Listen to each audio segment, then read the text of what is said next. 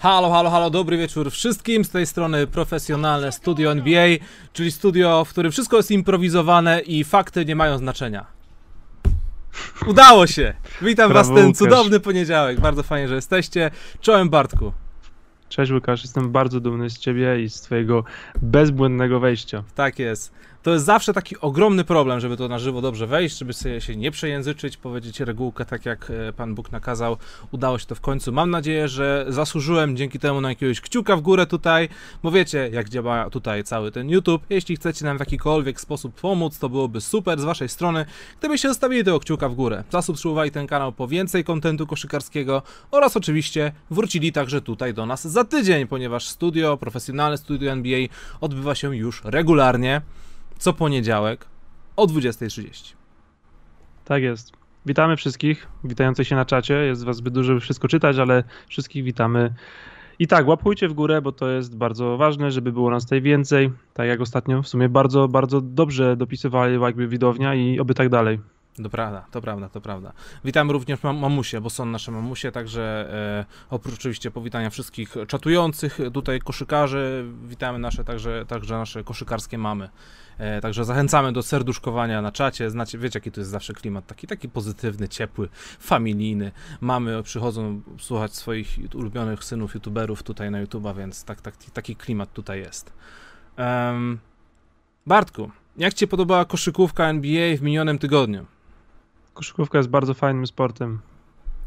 Okej. Podobała mi się. To był tydzień e, bez fajerwerków, ale to był tydzień, o jakim tylko możemy sobie marzyć, kiedy jest off-season, więc trzeba doceniać też takie tygodnie, w których niby nie dzieje się nic wielkiego, ale zawsze coś się dzieje i koszykówka jest na niezłym poziomie. Ja mam cały czas dużo przyjemności z oglądania, mimo że już parę tygodni w sezon weszliśmy.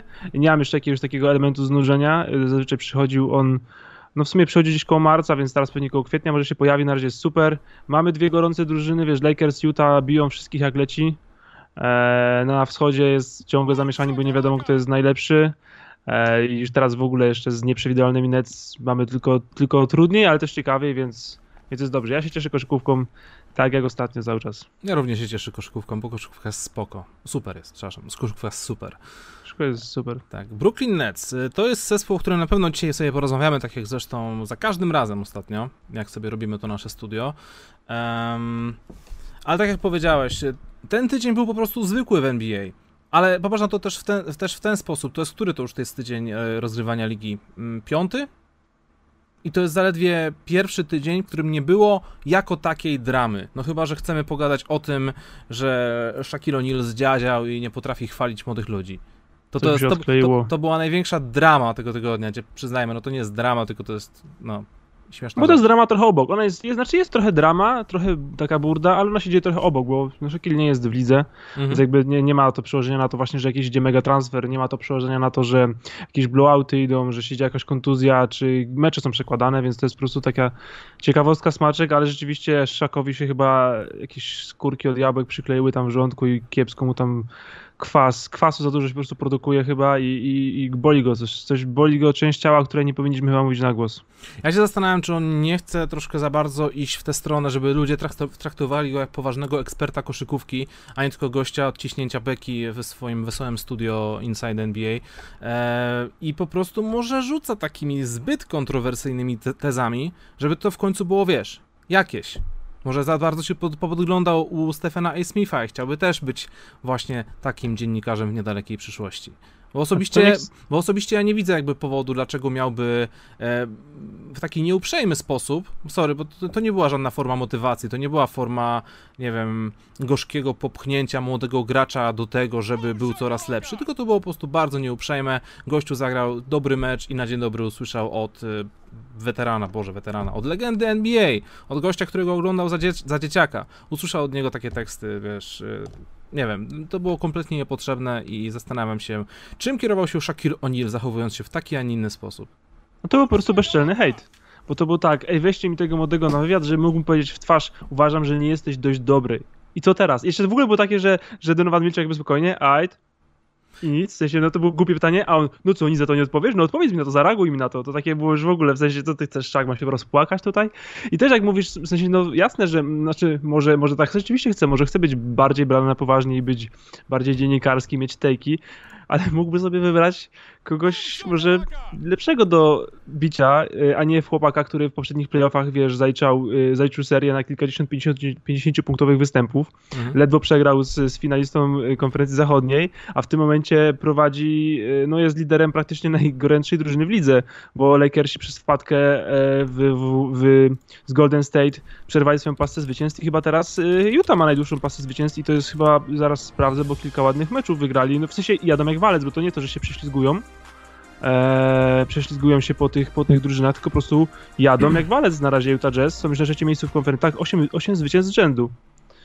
No to jest nie byle jaki bilans, mając 12-4, no to... Tak, no, było, było, Warto było, było płacić centra, nie?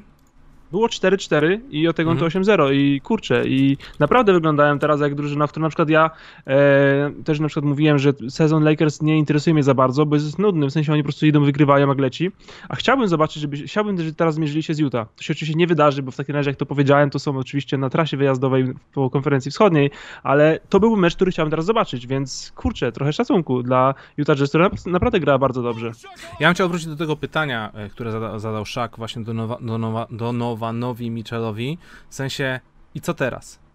Sorki, ale to był taki tekst z gatunku, trochę, trochę takie jakby hejtowanie w internecie, jak ktoś próbuje ci napisać, coś, że, że wiesz, że, że, jego opinia kogoś ma być dla ciebie istotna i na końcu, na, na końcu zadajecie takie pytanie, i co teraz z tym zrobisz? I Donovan Mitchell odpowiedział idealnie, po prostu dokładnie to, co miał powiedzieć.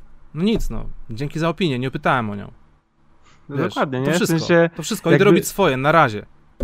Jak to, było, mówię, to, było, to, było, to, była per, to była perfekcyjna odpowiedź, bo nie wiem, czy Donovan miał się wzburzyć, czy miał się popłakać, czy może stwierdził, o Boże, Shaquille O'Neal właśnie powiedział, że nie jestem wystarczający, co mam teraz zrobić? Popadnę w depresję, będę teraz trenował non-stop przez pół roku, żeby Shaquille O'Neal mnie pochwalił.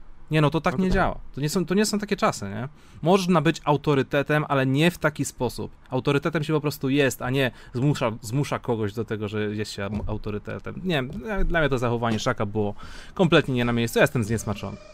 Tak, jestem też zdziwiony, bo Szak nie miał jakiegoś złego PR-u, w sensie Szak był bierz, midasem takim NBA, odkąd skończył karierę, tam coś się nie dotykał, zamieniał się w złoto, był kupę pieniędzy, dużo popularności, był w telewizji, e, wszystko dobrze, wiesz, no fani w nie tylko go kochają i teraz takie no, no, no głupie zachowania, takie w sensie, ja nie wiem, czy nie ma tam kogoś z boku, kto powie, ej, Szak, to nie jest droga, w sensie, okej, okay, możesz skrytykować koszkarza, bo jak jesteś ekspertem w studiu miasta, masz prawo do opinii, ale potem e, potem jakiś follow-up na Instagramie i wyzywanie jakichś ludzi, którzy robią przeróbki, jak Donovan Mitchell nad nim robi wsad i wyzywanie ich na pojedynek jeden na jeden w kosza, to jest takie, w sensie nie wiem co ci powiedzieć, więc powiem, że jestem ciebie lepszy w koszkówkę i może z tobą wygram. Właśnie, wy, wytłumacz, bo chyba nie wszyscy wiedzą o co chodzi. Na pewno wszyscy widzieli e, film z Donovanem Mitchellem, ale nie wszyscy wiedzą na czym polega internetowa krucjata Shakila O'Neala na Instagramie. E, bo w ogóle już wcześniej, jak nawet była ta, ta, ta drama z Gobertem, że skrytykował jego zarobki, to wrzucił sam na Instagram przeróbkę, kiedy robi wsad nad Gobertem.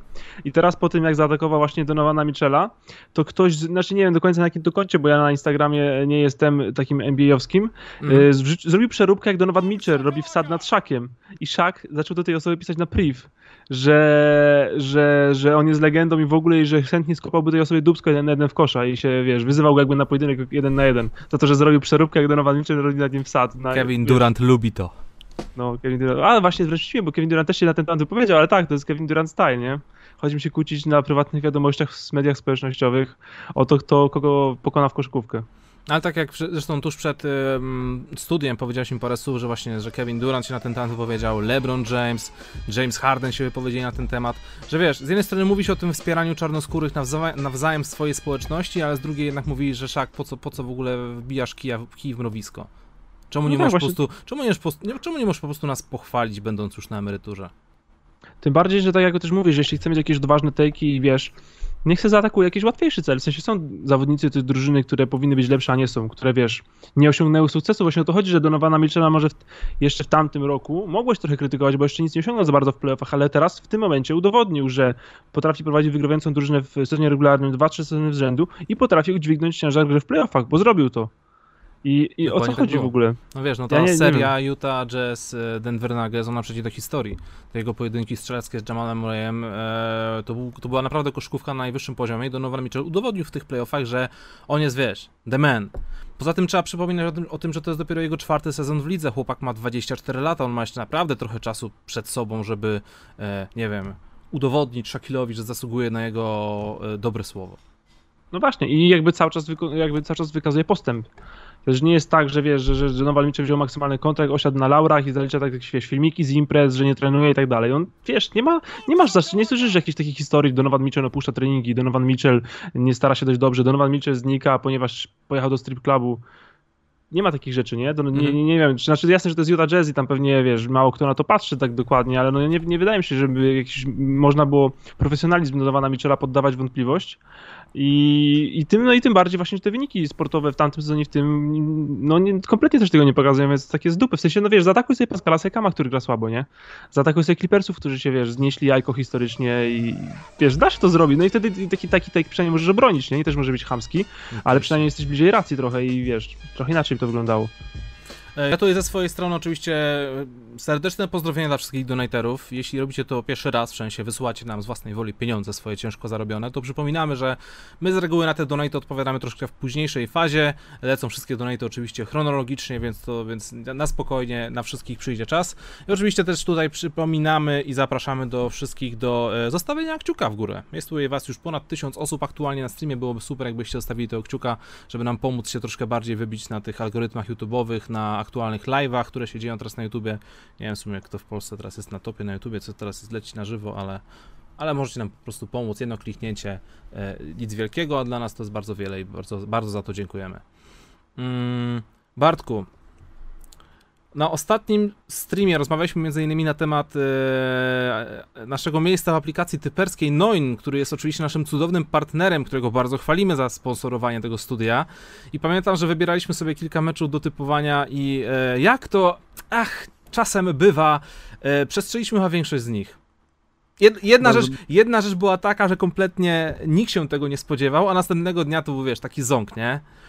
Gdybym obstawił grube pieniądze na Golden State, a nie Los Angeles Lakers, to byłbym bogaty. Byłbyś bogaty. No bo to, tak to jest, liga jest nieprzewidywalna, nie? I o to chodzi, że Lakers widzę zdecydowanym faworytem. Powiedzieliśmy, że są zdecydowanym faworytem, ale powiedzieliśmy też, że byli w serii 6-7 zwycięstw. Takie serie się kiedyś kończą i zazwyczaj jeśli faworyt wygrywał 8 meczów, to nie ma meczu, w którym w końcu nie jest faworytem, więc w końcu nadejdzie jakiś upset. No i to się może zdarzyć zawsze, no i zdarzy się tutaj. E, no i cóż, no bywa, no tak to, tak to po prostu jest i nie zawsze się traci. Raz się przegrywa, a raz się przegrywa, tak to jest z tym obstawieniem. No dokładnie, ja już wspomnę chociażby sezon e, z 73 zwycięstwa Golden State Warriors. Ich pasję przerwali Los Angeles Lakers, grający tragiczny sezon, a najlepszym strzelcem był bodajże D'Angelo Russell. Więc tak. Proszę bardzo. Koszykówka jest super, wszystko może się wydarzyć. Eee, dziękuję oczywiście również Tuki tutaj za, za donate. Czułem załogo Kobi, tak jest. Kobi pokazuje palec w górę. O to chodzi, tu jest kamera, cały mi się myli, e, że patrzę, patrzę sobie na tą drugą. Mm. Straciłem wątek. Bartku. Było o obstawianiu, o chwaleniu Noin i o naszych rankingach. Głównie o rankingach. Ja nie wiem, czy ja chcę się chwalić swoim rankingiem. Wczoraj, Mi idzie wczoraj, nieźle. wczoraj zapomniałem obstawić dwóch tych pierwszych meczów, bo wczoraj była już y, koszykówka o 19, nie? Więc, mhm. więc mi się troszkę tam zapomniało. Usnęło. Ale nawet pomimo tych dwóch meczów e, i tak, mój, moje miejsce nie jest jakieś cudowne, jakieś zachwycające. I tak jak przed chwilą powiedziałeś, no to jest koszykówka, wszystko się może wydarzyć, czasem się przegrywa, czasem się przegrywa. E, Lakersi przegrywają z Golden State Warriors, będącymi na etapie Stephen Curry z bandą dzieciaków. E, i zobacz na to w ten sposób, że i szedłem do tego momentu i znowu mi wyleciało z głowy. Nie potrafię się skupić. Właśnie. Po pierwszej porażce Brooklyn Nets z Cleveland Cavaliers byłeś pewny, że Brooklyn wygra drugie spotkanie, prawda? Bo dwa razy z rzędu to nie ma szans.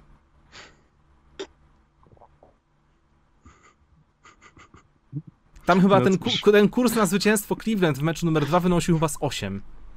Nikt w no to nie wierzył, nikt w to nie wierzył. Wszyscy twierdzili, że lekcja zostanie wyciągnięta, e, Steve Nash troszkę lepiej poukłada defense i jakoś to będzie. Otóż nie. No, ale tak to, tak to jest. Właśnie, bo, bo też tym bardziej w tym sezonie mamy te serie non-stop. Jest takie dziwne. To tak też utrudnia trochę obstawianie, mi się wydaje, bo czy tak wiesz, obstawiasz, myślisz, kurczę, ja tego nie obstawiałem już. Eee, ale no tak, wiesz, w wielu takich seriach, kiedy są właśnie wyrównane, to drużyna, która przegrała pierwszy, grywa drugi. Jakby właśnie to chodzi, że wyciąga trochę lekcji, lepiej się przygotowuje, i wygrywa drugi mecz, szczególnie kiedy właśnie poziom nie jest tak różny. Tutaj teoretycznie poziom sportowy jest bardzo różny, no bo Mhm. mówimy o faworycie ligi i, i no i takiej drużynie raczej max turnieju play-in, chociaż to Cleveland też zaskakuje pozytywnie i tam byli trochę zdrowsi w końcu, ale to wciąż były pierwsze mecze po kontuzji ich zawodników z backcourtu, więc więc no ja, no nie, no szczerze mówiąc w życiu bym nie postawił pieniędzy na to, że wygra, wygra Cleveland drugi mecz, a cóż. Ale widzisz, oni by. To nie jest tak, że Cleveland jakby mieli ich na tacy, przynajmniej w tym drugim spotkaniu. Bardziej chodziło o to, że oni mieli kompletnie zero pomysłu na grę pod koszem.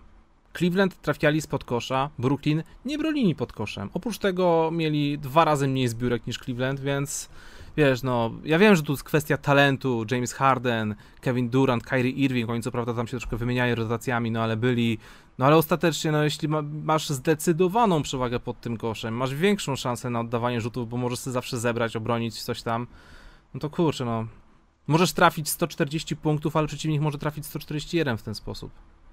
Tak, i to nawet nie o to chodzi, że oni jakby nie bronili, nie w ten sposób, że wiesz, że odpuszczali czy coś. Oni nie mają personelu, żeby to robić. Nie ma tam obrońców, w ogóle nie ma tam obrońców, to raz. Nie ma tam fizyczności, to dwa. Nie ma tam rotacji podkoszowej, to trzy. DeAndre Jordan się stara, ale, DeAndre Jordan to jest jedyny gra- zawodnik, ale gra który na jednej nodze. ale gra na jednej nodze. To jest, ale wiesz, to nawet jeśli grałby, wiesz, w sensie wydaje mi się, że on gra nieźle nawet, ale Mhm. on ma swoje lata i to jest jedyny podkoszowy na poziomie NBA. Jedyny.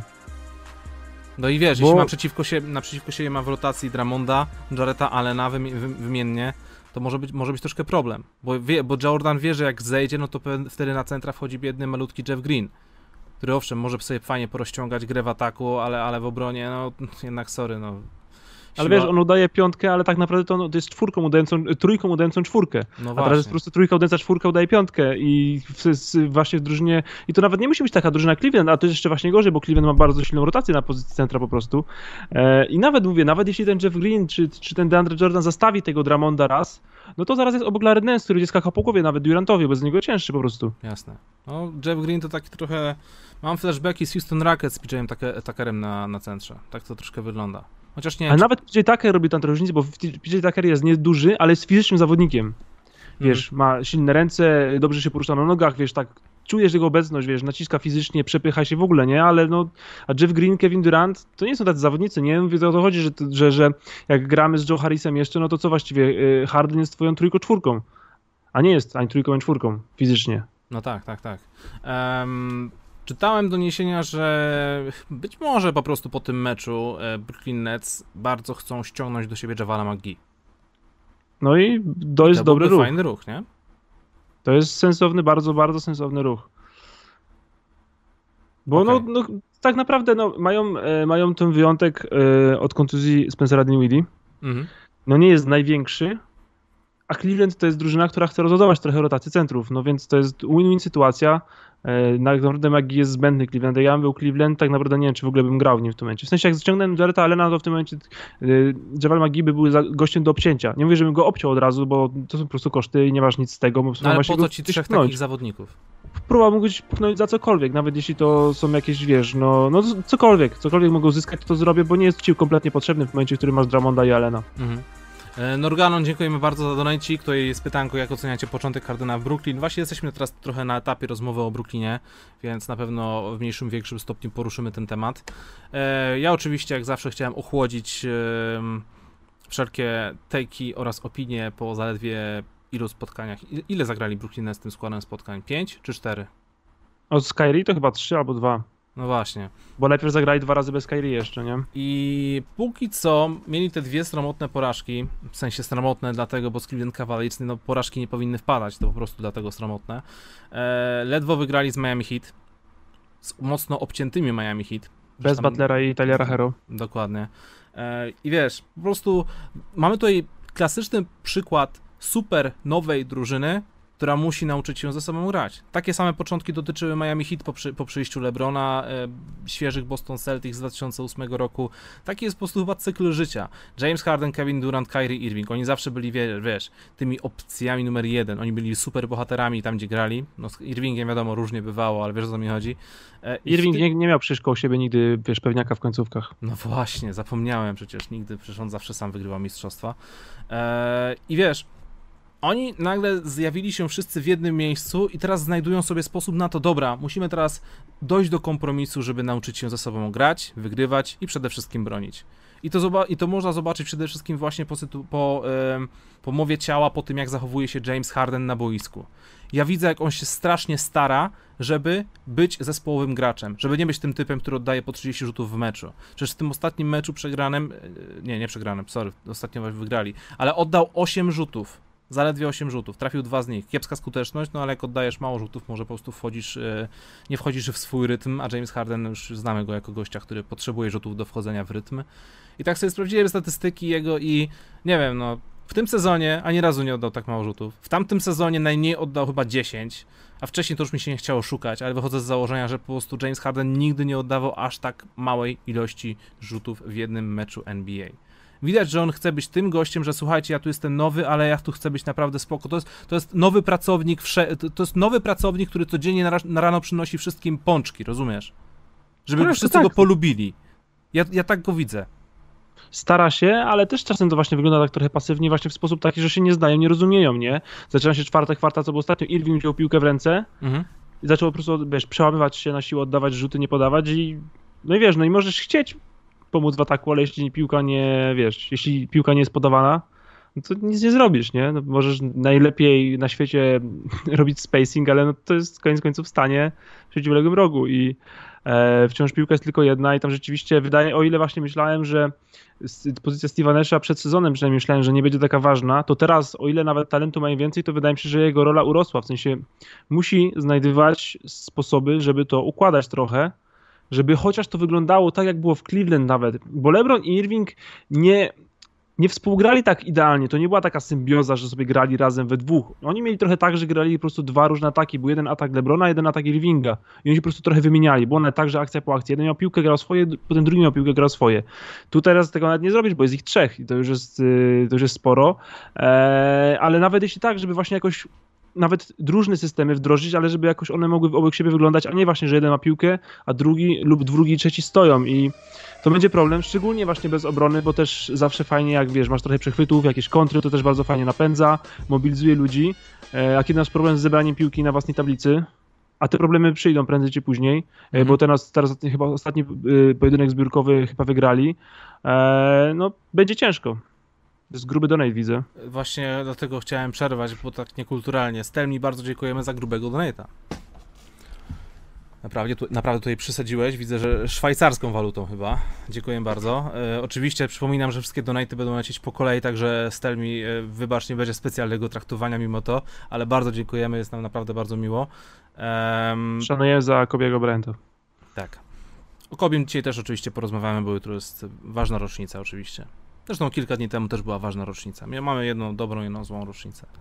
E, jeszcze wracając do yy, Brooklyn Nets. Ja myślałem, że to będzie bardziej wyglądać w ten sposób, i tutaj oczywiście się całkowicie przyznaję do błędu, że to będzie James Harden oraz Kevin Durant to oni będą tymi, wiesz, gośćmi w tym sklepie, oni, w sklepie, Boże, w, tym, w tej drużynie. Oni będą to wszystko ogarniać, nie? A Kyrie Irving tam będzie próbował się jakoś dostosowywać, może nawet będą szukać jakiegoś transferu, nie wiem, po prostu będzie tym gościem numer 3. Otóż nie. Kevin Durant jest opcją numer jeden, co było w sumie najbardziej e, oczywiste, ale to Kyrie Irving tutaj się najbardziej bawi i nie przejmuje tym, żeby oddawać te rzuty, żeby, żeby nawet zdobywać tam, wiesz, powyżej 30 punktów. E, James Harden jest tylko na razie uzupełnieniem. To, to, Chociaż, to jest inny mimo, zawodnik że, zupełnie. Mimo, że sporo kozłuje, ma piłki dużo w rękach, to raczej właśnie w, w kwestii uruchamiania kolegów, niż jakieś takie, jakieś takie właśnie gry pod siebie. No nie wiem, ciekawy jestem bardzo, jak to będzie. Przyznam się szczerze, że e, nie zazdroszczę Steve'owi Naszowi pierwszego roku okropnie, mhm. bo tak uczciwie rzecz ujmując, ja wiesz, mówię, że to są takie problemy, takie problemy. Ja nie mam pomysłu, jak oni mogliby to ułożyć fajnie. Ja nie wiem, czy jest, znaczy ja nie widzę tak, żeby wiesz, siedzę i myślę, powinni zrobić to, to i będzie dobrze. Ja nie widzę, co, czym jest to i to. Żeby to rzeczywiście zadziałało, bo uważam, że jest za dużo niespójnych charakterów i zbyt podobnej charakterystyce graczy, żeby to miało sens, żeby wszystkich ich talenty były dobrze wykorzystane, no bo koniec końców co najmniej dwóch z nich, ich największym talentem jest dominacja piłki. A piłka jest tylko jedna i, e... i jest to problem. A wielkim, e, wielkim wygranym całe, całej tej wymiany o dziwo jest Joe Harris. Który po prostu stał się typowym, znaczy zawsze był spot-up shooterem, ale teraz na luzie zdobywanie, wiesz, 23 punktów, 25 punktów w meczu, stojąc po prostu na trójce, grając pick and popy z Jamesem Hardenem, kto by się spodziewał, to jest na niego mega, mega super opcja. Tylko wiesz, tym wszystkim, o ile w ataku to wygląda w mniejszym lub większym stopniu super. Widziałem tam offensive rating e, w ostatnich pięciu meczach Brooklynu, to jest jakieś szalone 120, nie wiem, 7, 125, no w każdym razie kosmiczna liczba, ale defensive rating jest też tragiczny, też koło 120, koło 123. Więc wszystko się rozchodzi o to, bo to, że oni będą super w ataku, to jest oczywiste. Po prostu potrzebują czasu, ogarnięcia, kompromisów, e, ale w obronie to wygląda póki co słabiutko. Jeśli oni są w trójkę razem na boisku i e, oczywiście, tak jak przed chwilą mówiliśmy o tym Javalu Magii, żeby go pozyskać, to jest jakaś tam opcja, ale Steve Nash na początku powiedział, e, czytałem taką jego wypowiedź, że on póki co chce sobie dać trochę czasu, żeby chłopaki po prostu ogarnęli, gdzie są, jakie są teraz ich role i jak mają się nauczyć ze sobą grać. I wydaje mi się, że tak, to jest ale... takie bezpieczne podejście, nie ma co, wiesz, robić trzęsienie, trzęsienia ziemi, to jest dopiero początek sezonu, nie? Tak, jasne, ale ja myślę, że i tak już powinien zostać w jakiś wdrażany trening defensywny, takiego wiesz, zaangażowania, zapieprzania, bo nie oszukujmy się, obrona w, większy, w bardzo dużym stopniu zależy od zaangażowania.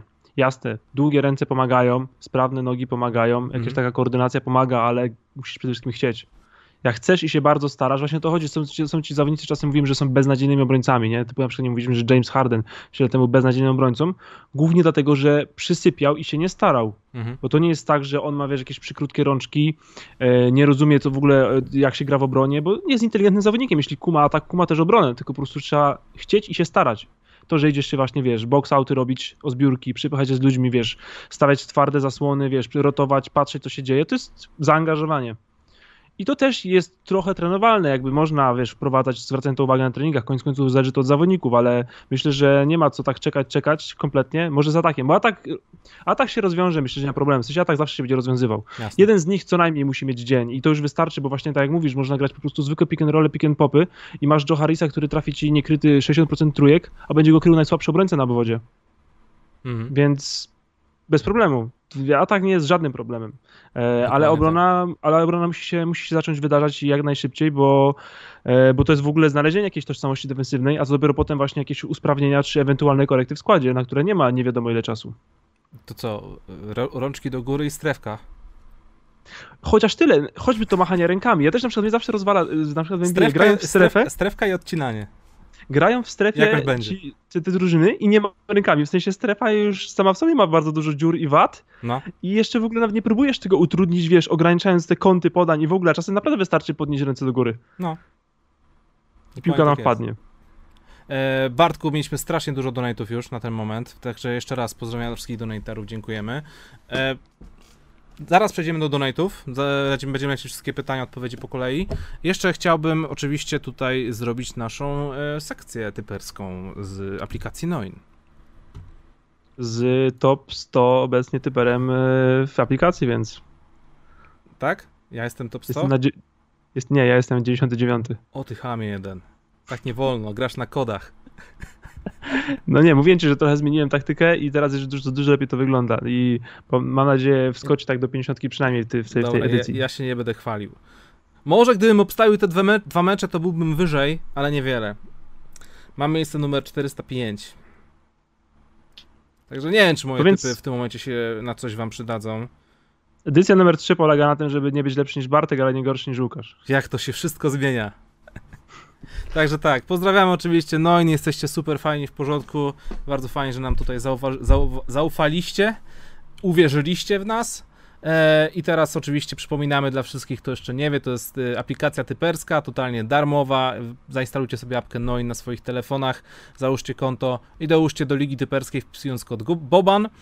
I wtedy możecie sobie typować meczyki NBA całkowicie za darmo, pniecie się w rankingu, zbieracie punkty, a na koniec danej rundy, która z, re z reguły trwa jakieś dwa tygodnie, najlepsi typerzy zgarniają nagrody, takie jak książki NBA, koszulki Keep Debit oraz oczywiście najważniejsza, najfajniejsza nagroda, słuchawki Turtle Beach. Także jest o co walczyć. To co, może tak na szybko, kilka meczyków. Eee, co, jest jakiś jeden mecz, który tak stwierdza, że jest naprawdę interesujący? E, Rewanż Brooklynu z Miami? Nie, bo znowu ma nie grać chyba Butler i Hero z tego co kojarzę. Okej. E, prędzej rewanż Pacers z Toronto, chociaż akurat obie drużyny trochę dołują. Mhm. E, jest powrót LeBrona do Cleveland. I Tak. daj da Luka i, i Luka Doncic Nikola Jokic. To jest mecz. Tak. To może zaczniemy kandydatów- od. To może zaczniemy od yy, ciów. Duet ciów. Jokic i, i, i, i Doncic. No Dallas mają troszkę problem tutaj pod koszem, widzę. Ale przynajmniej jest Tak. Kristaps. Ale, Ale. e, ale, ale, ale Denver Nuggets grają chyba trzeci mecz w 4 dni, czy czwarty mecz w 4 dni. Mhm. W tym wczoraj grali dwie dogrywki. Jeśli dobrze pamiętam, lub przedwczoraj. W sensie grali długie, długie, długie mecze bardzo grali. Tak. Teraz, raz czy dwa. Mieli dwa razy dogrywki z Phoenix Suns. No, Tak, Denver Phoenix. Były dogrywki i, i ja wydaje mi się, że mogą być trochę podmęczeni i dlatego ja w tym momencie jestem w Dallas, jeśli chodzi o mój typ. Ja się troszkę za bardzo przejechałem na Dallas w tym sezonie. Ja, ja jednak typuję tutaj Denver Nuggets z póki co głównym kandydatem do MVP sezonu, Nikolą Jokiciem. Człowiekiem triple-double. Jeśli Denver poprawi bilans. No tak, okej. Ale wiesz, że według MVP, e, MVP, tra- MVP Tracker na Basketball Reference, aż sobie sprawdziłem tutaj, wiadomo, to jest obliczanie według prawdopodobieństwa oraz e, statystyk, Nikola Jokic, MVP, niecałe 42%. Na drugim miejscu Joel Embiid 17. Ale uczciwie rzecz ujmując, ja y, uważam, że gra na poziomie VP. Zgadzam się z tym, ale chciałbym, żeby Denver rzeczywiście było bilansem, e, żeby Denver bilansem było bliżej do Utah Jazz niż Memphis Grizzlies. Okej. Wiadomo, no, nie możesz być MVP, e, jeśli nie zrobi, jeśli jesteś w drużynie tylko i wyłącznie na środku tabeli i nie zrobiłeś czegoś naprawdę niesamowitego, a skoro już ktoś wcześniej zrobił triple-double i to było niesamowite, to teraz triple-double Nikoli Jokicia to może być za mało na tę statuetkę, więc, e, więc okej, więc ten temat może jeszcze sobie zostawimy, to jest póki co 16 spotkań sezonu. W każdym razie, z faktu, że to jest e, wciąż kącik typerski Noin. ja staję Denver, a ty Dallas, tak? Tak, Dallas i over. Okej. Ja stawiam e, Denver i co najmniej double-double Jokicia. To akurat nie jest, to jest bardzo oczywisty typ. To co, drugie spotkanie LeBron Cleveland, powrót. Czy myślisz, że kiedy LeBron zobaczy Colina Sextona po jego ostatnich występach, Będzie- będzie, ża- będzie żałował, że z nim nie został? Ja nie, nigdy nie zapomnę, jak Colin Sexton był wybrany do Cleveland i był taki podjarany, ale fajnie, będziemy grać z LeBronem, będziemy wygrywać. No cóż, Otóż nie. otóż nie. No. No. No. E, no, zobaczymy, czy, czy, czy, czy wielki Colin Sexton poradzi sobie z kolejnym z drużyną gwiazdeczek. Wiesz co, po, tych, po, tych meczach, po tych meczach z Brooklynem to można byłoby stwierdzić, o kurczę, może zagrają znowu kosmiczną koszykówkę. No ale sorry, no ale to są poukładani Lakers, grający swoją rutynkę, a nie e, zupełnie nowy skład, który dopiero no, zaczyna coś lepić, więc... więc Ale ja w ogóle, Lakers. wiesz co, powiem ci, że jakby nie grał LeBron James w tym meczu, to ja nie wiem, czy bym się nie skłaniał w stronę Cleveland. Wiesz, są teraz trochę na fali, ale no wątpię, żeby LeBron pozwolił, wiesz, pokonać się w Cleveland. LeBron, Garlandowi LeBron jest, uwaga, szokujące, game time decision. O tak, No to, to nie wiem, no to Zagry- nie wiem, zagrywka psychologiczna, to nie jak wiemy. zawsze działa. Nie, mam tutaj Lakers i mam tutaj też over. E, wydaje mi się, że bo ten atak Cleveland mm, nie, nie, nie, nie lepiej wygląda w cyferkach, ale długo, dużo czasu tam ominęli ich e, właśnie cały backcourt właściwie, więc myślę, że atak będzie lepszy, e, ale Lakersi no, nie, nie będą sobie chcieli dać, odebrać takiego zwycięstwa. Ja myślę, że dla LeBrona to będzie sprawa osobista, więc Lakers i over. Ja stałem Lakers i over i nawet bym tutaj bawił się w over Colina Sextona, bo wydaje mi się, że bardzo by chciał coś udowodnić e, LeBronowi. W Tylko ogóle, też z drugiej strony, wiesz, będzie kryty mocno, nie? W sensie będzie na niego po kolei pewnie rzucany KCP, Caruso, Shredder, a Mhm, są też bardzo żywiołowi obrońcy i może być ciężko mu. też Zależy, ile wsparcia dostanie, ale no bo to nie będzie kryty przez Irvinga, no, nie, no niestety. W ogóle ten Colin Sexton, on powoli rośnie na takiego cichutkiego All-Stara na wschodzie. To jest jeszcze bardzo, bardzo wcześnie na to, ale i to jest, wiesz, też, też taki take zrobiony na fali hypu po tych ostatnich spotkaniach, ale kurczę, no te 42 punkty, 5 asyst, 5 zbiórek przeciwko Brooklyn Nets, jak on tam grał, Em, czytałem artykuł właśnie o Colin, Colinie Sextonie i tam było takie powiedziane, że jeśli będzie grał na takim poziomie, to całkiem możliwe, że będzie pierwszym e, kawalerzystą nienazwanym LeBron bądź Kyrie, który zagra w meczu gwiazd. I, fakt, I wiesz, ja myślałem, że on po prostu będzie solidnym starterem, a teraz mówi się o nim po tych meczach, po tych występach, że jest, że ma papiery na coś więcej. To jest wschód, wszystko może się wydarzyć.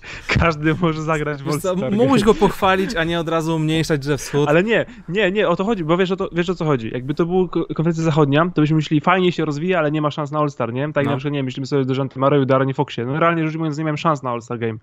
E, na wschodzie to jest, i więc to jest też może dodatkowa motywacja i to jest dobrze właśnie, bo tak, masz rację, dokładnie tak jest. Rozwija się lepiej niż myśleliśmy i naprawdę pokazuje przebłyski All-Stara i może już w tym sezonie się to wydarzy. Między innymi dlatego, że to jest wschód, no, no bo mówię, no, no, no, no no przepraszam, no wiesz, na, na zachodzie masz z pięciu lepszych rozgrywających, sześciu, nie wiem na ilu na wschodzie, ale ja trzymam tylko kciuki życzę. W sensie, wiesz co, ja myślę, że na wschodzie to jest dobry sezon na takich, takich All-Starów, co się ich nie spodziewali przed, przed sezonem. Ja bym nie miał nic przeciwko, żeby Jalen Brown, Julius Randle i Colin Sexton nawet byli w All-Star Game. Naprawdę grają bardzo dobre sezony. A jest trochę rozczarowujących ekip na wschodzie, wiesz, Toronto rozczarowuje, e, Miami rozczarowuje, Miami w ogóle jest na wakacjach jeszcze, E, Milwaukee, wiesz, już znudziliśmy się, wygrywają wszystko, nuda i wiesz, wciąż tam jest Janis. Mhm. Eee, no w Bostonie masz, dobra, masz dwóch pewniaków, bo Tatum i Brown grają fantastyczne sezony, zaraz Tatum pauzował, ale no to wciąż nie jest to, co myśleliśmy, że będzie i będzie parę takich miejsc właśnie dla, dla Colinów Sextonów. No tak, tak, tak, tak. Ale to może polećmy jeszcze dalej z kącikiem typerskim Noin. Jeszcze jeden meczek, jeszcze jeden meczek. Um... Chicago-Boston, Portland-OKC, Golden State, Minnesota? Nie, nie, ma tutaj, eee, nie ma takich szalonych spotkań dzisiaj, dzisiaj w nocy. Tak, ja odmawiam typowania Minnesota, bo to jest zbyt łatwe. Minnesota może wygrywać 15 punktami 3 minuty przed końcem, a i tak to przegrać. Minnesota teraz, wiesz, restuje D'Angelo Russola po 20 minutach, minutach meczu, więc mhm. Minnesota to jest wstyd. Wstydźcie się w Minnesocie, naprawdę się wstydźcie. Antony Edwards nie jest taki dobry. Indiana Pacers Toronto Raptors. Będzie zemsta? Indiana Raptors? Indiana Toronto, no. Będzie zemsta? Eee, nie wiem.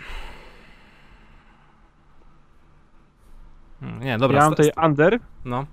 I Indianę. Myślę, że się odkują. Aż tak źle nie zagrają znowu, bo Brogdon i Sabonis, no najlepsi zawodnicy zagrali fatalnie. Myślę, że będą mm. mieli chociaż takiej wiesz, sportowej złości, ale wciąż to będzie under i to nie będzie najładniejszy mecz. Okej. Okay.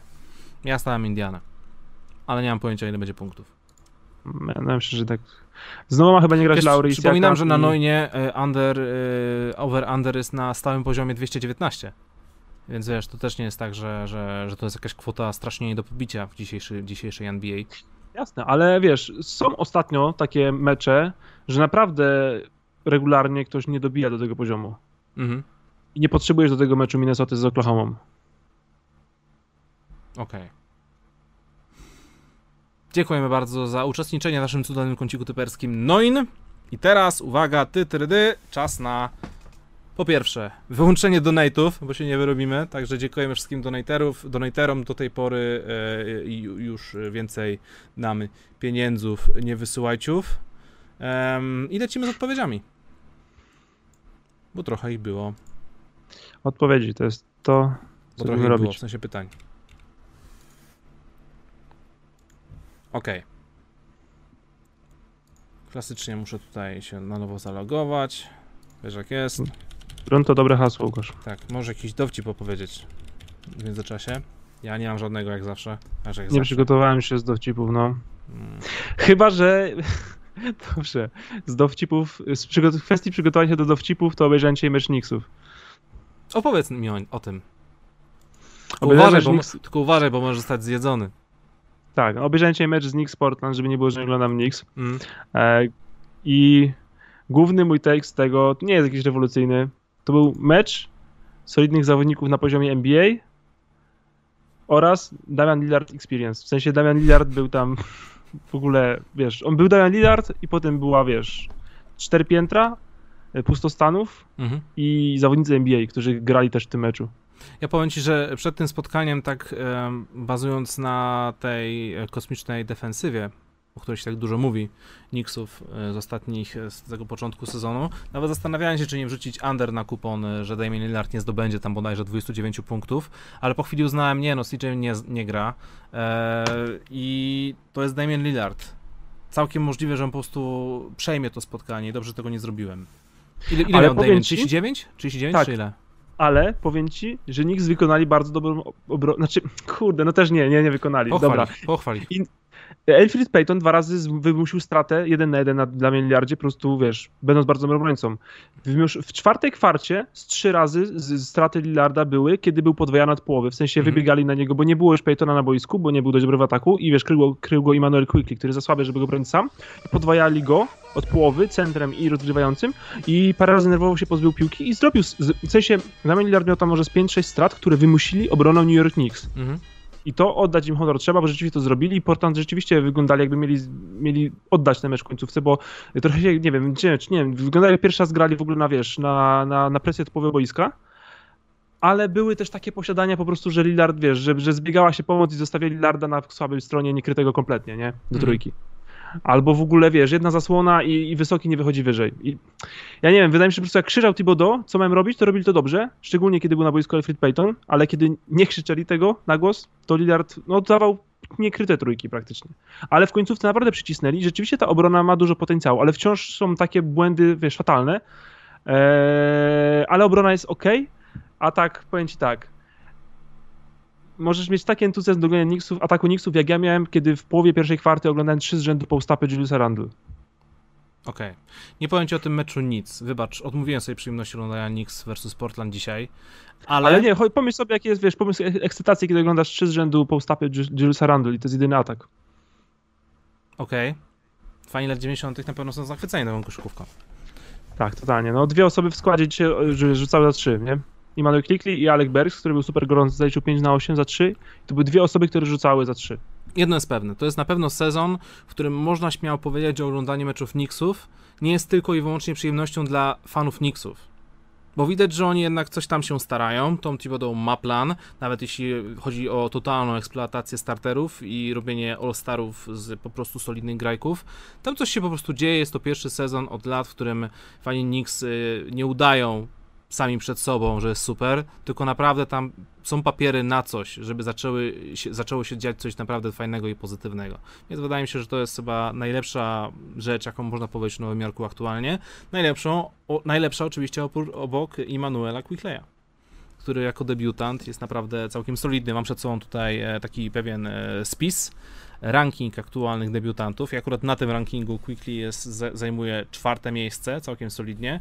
95% z linii rzutów wolnych, niecałe 3 asysty na mecz, 11 punktów na spotkanie, całkiem solidnie wszystko wygląda. Także dobrze wybrali w tym drafcie. No wiesz, 20 e, to jest e, trzeci pik, drugi? No właśnie, więc w tej kategorii można mówić, że jest stylem. Jest stylem. No jeśli, jeśli, jeśli w jakimkolwiek rankingu Rookies będzie gdzieś 25 numer draftu, mhm. jeśli będzie w dziesiątce, jest stylem. O to chodzi. Brawo. Brawo tak New York Knicks za, za wybranie Immanuela Kukleya. Więc być może macie dobry draft, bo obi topy jeszcze nie wiadomo. Mhm. Eee, I okej, okay, no i widzisz jaka różnica robię, kiedy zatrudniasz dobrego trenera. W sensie to, Tom Thibodeau to jest, ma swoje wady, masę ich, ale jest wygrywającym trenerem. Przychodzi i zobacz, nagle drużyna, która jest osobowo prawie tak samo, dobrze broni. Mhm. Nie ma wybitnych obrońców w składzie. Ma, ma właśnie Elfrida Paytona. No nie, może Franka Nidilikine. To są dobrzy obrońcy, indywidualni. Mitchell Robinson to jest, wiesz, potencjał. To nie jest mądry obrońca, dobry, nie? Czy Nerens mhm. Noel, ale proszę bardzo, jest dobra obrona, bo masz dobrego trenera do obrony. No tak. Tam widziałem Mitchell Robinson ostatnio całkiem solidne spotkanko, 18 punktów, 8 zbiórek. Tylko, że mógłby grać troszkę więcej, mi się wydaje. No wiesz, ja myślę, że no, o to też chodzi. Don Dibodo jest wymagającym trenerem mhm. i jak masz taką rotację, to raczej się trzyma i wiesz, za błędy karze, no i jest sędzią surowym, ale sprawiedliwym. Jak robisz głupoty, to po prostu idzie na ławkę, no nie ma, wiesz, nie ma jakiegoś e, bezładnego biegania w obronie, masz robić swoje. Tak jest. Dobra, moi drodzy, 45 minut streamu poszło, czas na drugą połowę streamku, czyli donaty, e, których było dzisiaj dużo i zaczniemy od, ja mam nadzieję, że nie będę musiał znowu się logować. Dobra, nie, mu, nie muszę. To nie jest pierwszy donate, ale Pacia wleciała już tutaj z faktu, że już wszyscy doskonale kojarzymy Pacie, która śle nam buziaczki. E, to przeczytam już, już, już, już, już od razu, pacie. Panowie, jesteście tak ekstra jak Kobi, kiedy zdobył 81 punktów. Tak, Łukasz, śledzę twojego Facebooka. Pozdro dla mojego chłopa też, zakochanego w Bartku. Pytanie, są jakiekolwiek rzetelne statystyki na korzyść prawo lub leworęcznych graczy? To jest ciekawy temat. Ciekawy temat, no. Jest taka obiegowa opinia, ale to nie są rzetelne statystyki. To jest obiegowa opinia ludzi, z którymi, z mojego doświadczenia na boisku, z tego wynikasz też. I się go, gorzej yy, kryje, tak, trudniej. Gorzej się kryje leworęcznych, no. Bo, yy, I to nie to, że jest jakaś magiczna technika, że z lewej strony rzuty lepiej wpadają, tylko po prostu nie masz nawyków. Tak. Większość z nas się uczyła na miażdżąco przy większości po prostu praworęcznych zawodników i znasz ich schematy poruszania się, wiesz, kierunku i tak dalej. Leworęczni są po prostu yy, są inni przez co nie masz właśnie, nie jesteś do tego przyzwyczajony i trudniej się kryje leworęczne osoby. Trzeba naprawdę o tym myśleć i się przestawiać w głowie. Trzeba po prostu pamiętać o rzeczach, żeby, żeby, żeby kryć odwrotnie właśnie. Na pewno jest taki, coś takiego, że wybitni gracze praworęczni czasem są zmuszani do tego, żeby zacząć używać lewej ręki e, i tak było chociażby z Kobe Bryantem. I nie mówię tutaj o wchodzeniu dwutaktem z lewej strony lewą ręką, tylko po prostu Kobe miał rozwaloną prawą rękę, więc zaczął rzucać lewą. Tak samo było z, La z Laremberdem Pamiętam, był taki jeden meczek, wokół którego powstała taka urban legend, że będzie tylko lewą rzucał. I tam nazbierał kilkadziesiąt pointsów. Więc ewentualnie to też, też taka rzecz, jeśli chodzi o leworęczność. No jak masz być najlepszy, to nie może ci robić różnicy, jakby z której strony kosza jesteś, przez które ramię się obracasz. Jasne, ręka rzucająca to ręka rzucająca, ale jeśli chodzi na przykład do layupy, nie może być różnicy. E, Alicję muszę nauczyć rzucać e, tak do, dobrze, bo ma, ma tą lewą rękę, ale jeszcze musi dorzucać do kosza. Więc to jest... Rzucanie do kosza pomaga, no rzeczywiście możesz nadgarstkę mieć, nie mieć, ale... tak, trzeba, trzeba przede wszystkim próbować, nie? I nie można niczego żałować. Lecimy tak, no dalej. ale wiesz... E, no, sorry, przerwałem? Nie, okej, okay, lecimy dalej. Ale możesz powiedzieć. To nie było jakieś takie, wiesz... Jak już się mamy cofać do średniego żartu, to wtedy on będzie, wiesz, fatalny, więc nie, idziemy dalej. Słuszna uwaga. Dobra, więc yy, czekaj, żebym przypadkiem nie włączył znowu donate'u sprzed tygodnia. Bo dzisiaj jest 25, a patrzę na 18. Mm. Okej, okay. tata Kubusia. Pierwszy donate taki dzisiaj wleciał. W ogóle wleciał jeszcze zanim odpaliśmy się na żywo. Ale pozdrawiamy tatę Kubusia wraz z Kubusiem. E, witam regularnych profesjonalistów. Na co waszym zdaniem stać Miami Heat po średnim początku sezonu? Gdzie upatrujecie przyczyn takiej sytuacji? Kto MVP w tym sezonie? Oki Czembit, PS Kubuś. Dziękuję za pozdrowienia. Super, my też pozdrawiam oczywiście. Jeszcze raz. E, kto MVP w tym sezonie? Oki Czembit. To jest oczywiście wczesne odtajkowanie. Nie wiem, czy to jest słowo, ale ujmijmy, że jest. Na ten moment, jak przed chwilą mówiliśmy, Jokic według Basketball Reference zdecydowanie wygrywa z Embiidem, a dalej to już są w ogóle inne nazwiska. Ale nie wiem, czy jest sens typować na ten moment. Za wcześnie po prostu jest. Oba, obaj grają super sezony. Naprawdę obaj są... Warto włączyć mecz tylko dlatego, że jeden z nich gra w tym meczu. Tak. A takich zawodników w lidze jest 5-6 pewnie. I naprawdę Jokic, kurde, jakby Embiid, Embiid, przepraszam, nie Jokic. Oglądam Embida jest naprawdę znakomity. Trochę mnie denerwuje jego flopowanie i wymuszanie fauli. Takie naprawdę wymuszanie, wymuszanie fauli.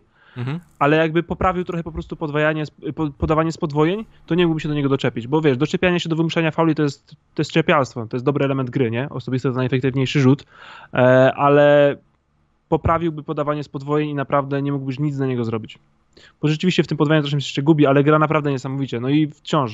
Z drugiej strony jest, wiesz, to jest all, all defensive NBA gracz, więc yy, naprawdę brawo, brawo Joel Embiid. I oby był zdrowy, tak jak zawsze. A jak, co, co twoim zdaniem, na co stać Miami Heat po średnim początku sezonu?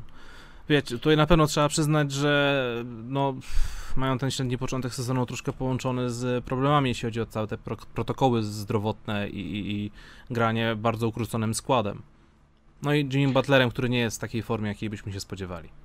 Ja nie wiem, czy oni po prostu sobie nie zluzowali bardziej po tym, że ta przerwa była tak krótka, w sensie bardziej niż Denver, Boston i Lakers, bo to mhm. były drużyny, które grały najdłużej. Po prostu sobie nie zluzowali bardziej, ale już się trzeba zbierać do kupy. Ja myślę, że stać ich na to samo, co w tym sezonie. W sensie myślę, że finał NBA jest ich zasięgu. Będzie trudniej niż w tamtym sezonie, ale myślę, że mogą to zrobić. Wiesz, mają dobry matchup na, na Bucks wciąż, pokonali ich całkiem łatwo, stosunkowo. Myślę, że mają bardzo dobry matchup na Nets, mhm. mając Bama. Myślę, że mogą mieć duże problemy z Bostonem i absolutnie nie mają szans z Lakersami, więc to jest tak, finał NBA, tak, wygranie mistrzostwa, nie, nie widzę tego. I to jest takie, w sensie, no nie będę, no tak trochę się jakby doczepiłem, no, że niby nie robią postępu, ale kurczę, tak naprawdę w tym, jak chcesz myśleć o mistrzostwie NBA, to powiedz, jak chce- chcesz mnie przekonać do tego, że drużyna ma szansę na mistrzostwo NBA, powiedz mi, jaki ma matchup na Antonego Davisa. Bam. Filadelfia ma mecza, ale Bam jest za mały. Bam sobie mógł, wiesz, centrować i być duży i silny w serii z Bostonem, Okej. e, kiedy czwórki dawał centrów, ale, ale z Lakers już był mały. Bam był małym gościem w serii z Lakers. Z Davisem i z centrami teraz tych centrów nie będzie. Nie będzie Dwighta, nie będzie Javal McGee, tych wielkich ciał zrzucać na Bama, ale jest mniejszy od Davisa. Jeśli Mhm. Davis jest w stanie trafiać 55% rzutu z pół dystansu w izolacji przed tyłem, to, to nie jest, to nie jest matchup. Nie no. Jest to nie najgorszy, ale to jest nie dość dużo. Na ten moment w ogóle nie ma zbytnio dobrych obrońców na Davisa. I dlatego nie, właśnie Chyba, że co, Janisa możesz na niego posłać. Tak, ale z drugiej strony wiesz, co Janis zrobi w ataku z Davisem? Przecież nie spostuje go. Ale Nie pyta, weźmie- nie pytasz weź- o obrońcę. E, No tak, ale wiesz, ogólnie w sensie to nie gra lepiej po obu stronach, nie? Tak mówię, wydaje mi się, że Embiid może być jakąś odpowiedzią, ale reszta składu Philadelphia nie jest dość dobra. No Janis, okej, Janis w obronie może spowolnić Davisa rzeczywiście, Mhm. widzę to, jest, no, jest długi, silny Ben? i w ogóle, ale w, ale w ataku, wiesz, Davis będzie chodził pod zasłonami, e, a jak chcesz postować Janisa na AD, ja się zachęcam, proszę bardzo, rób to. Drewniane postapy Janisa to nie widzę, żeby cokolwiek zrobiło, nie ukaże przechodzenia pod zasłonami, rzutami z wyskoku i no i w sumie matchup wychodzi wciąż na stronę AD. Nie wiem, naprawdę, pokaż mi swój matchup na AD, to ci powiem, jakie szanse na mistrzostwo masz. To jest okrutny take, bo wiesz, w tej drużynie wciąż LeBron James, ale tak to trochę wygląda. Mhm. No sorry, no nie, nie, mam, nie ma aktualnie tutaj dobrego obrońcy na Davisa, więc, więc nie, nie mam tutaj sposobu na to, żeby to jakoś skontrować. Dla mnie to ewentualnie jest Janis albo Ben Simmons. Albo Bam. No Albo Bam. faktycznie, No to Bam- ma, centymetry może mogą sprawiać lepszy. różnicę, ale wiesz, no... Może. Tak, tutaj daję gwiazdkę, jakby jest trochę pole, bo Bam jest młodym zawodnikiem. Może Mhm. być lepszy niż w tamtym roku, a będzie być, być może zdrowszy, bo wiesz, on tam miał problem z szyją w trakcie serii, Mhm. wiemy o tym. Więc może będzie trochę lepszy. Okej, i dlatego myślę, że Miami, właśnie mówię, finał NBA ma w zasięgu, nie widzę jako faworyta, ale no o to chodzi, wiesz, w tamtym sezonie też nie myśleliśmy, że będą tak dobrze, nie? Więc Jasne. E, puszczam donate od pana Brokuła. Bardzo ciekawe pytanie. E, pozdrawiam pana Brokuła. Siemanko, jak wyglądałyby wasze piątki aktualnych graczy USA versus reszta świata? Nie chodzi tutaj o najlepszych zawodników na danej pozycji, tylko mam na myśli zespoły, które według was byłyby najlepsze pod względem ataku, obrony, spacingu. Pozdrawiam. To jest spoko rzecz, no bo nie chodzi o wymianę, wymianę po prostu pięciu najlepszych Europejczyków, tylko ustawienie ich na boisku w taki sposób, żeby to, żeby to pasowało. Więc w tym momencie najważniejsze pytanie jest, czy na czwórkę czy, czy wystawiłbyś Rudego Goberta na piątce? Czy nie? To jest właśnie pytanie, bo ja wiesz, mam w głowie. No nie, ja, no nie, nie, nie, słuchaj, nie, nie, nie ma Domantas, opcji. Domantas Sabonis, Nikola Jokic, Rudy Gobert. Którego sadzasz na ławę? e, to jest moja czwórka i piątka, tak? No, nie wiem, tak sobie rzuciłem po prostu. Nikola Jokic gra na boisku, więc nie gra Ru- Rudy Gobert. Okej. Dałbyś e, Domantasa na czwórkę, czy kogoś innego z Europy? Domantas nie pasuje do Jokicza mi. E, Porzingisa bym wystawił prędzej. Jeśli byłby zdrowy, nie jest aż taki super teraz.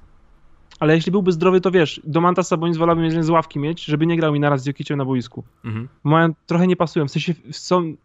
Domantas Sabonis to najbardziej utalentowana czwórka, a Nikola Jokic najbardziej utalentowana piątka, ale ich fit nie jest dobry. Mhm. Wiem, o, wiem o co chodzi, dlatego się zastanawiam, Tak. czy na pewno chcesz mieć Jokicia na boisku, a nie Goberta. E, tak, bo Jokic jest najlepszym zawodnikiem z tej trójki. No tak, tylko jak to pogodzić, bo Domantas Sabonis gra aktualnie koszykówkę życia. To jest człowiek triple-double. I wciąż Nikola Jokic jest lepszy od niego. Więc chcę mieć na boisku, Dobra. Jeśli mam mieć Ale szansę. to ja, jak ja patrzę na takiego gościa na rezerwie, to aż mi serduszko się kraja trochę. No kraje, kraje, ale no to wiesz, wybieramy mocny skład, no niestety tak to jest, wiesz, no, jak będziemy w, jak będziemy kadrę USA ustawiać, to będzie serduszko krajać, jak, jak ka, Kary No. będzie na ławce siedział z Lillardem, nie? Na trójce dajesz Janisa? No tak, no Janis też musi grać. Na jedynce y, Doncic na dwójce czy na jedynce? A, a kogo mamy jeszcze z opcji na, na jedynkę? Na pewno. Jamala Mareya, on jest z Kanady. Okej. Nie no, e, Doncic, Janis, no to tym bardziej muszę mieć Porzingisa, jeśli mam jeszcze Janisa na boisku. No sorry, Domantas Sabonis. No dobra. Dobra, więc mamy od góry Jokic, e, Porzingis, znaczy ja przynajmniej mam, Jokic, Porzingis, e, Janis, Luka. E, Franklin Tybikina. Nie, no nie, Facundo no, wiesz co, to jest, to jest głupia rzecz, ale ja po prostu na bank zapomnieliśmy o jakimś oczywistym nazwisku. Kto jest z Europy jeszcze?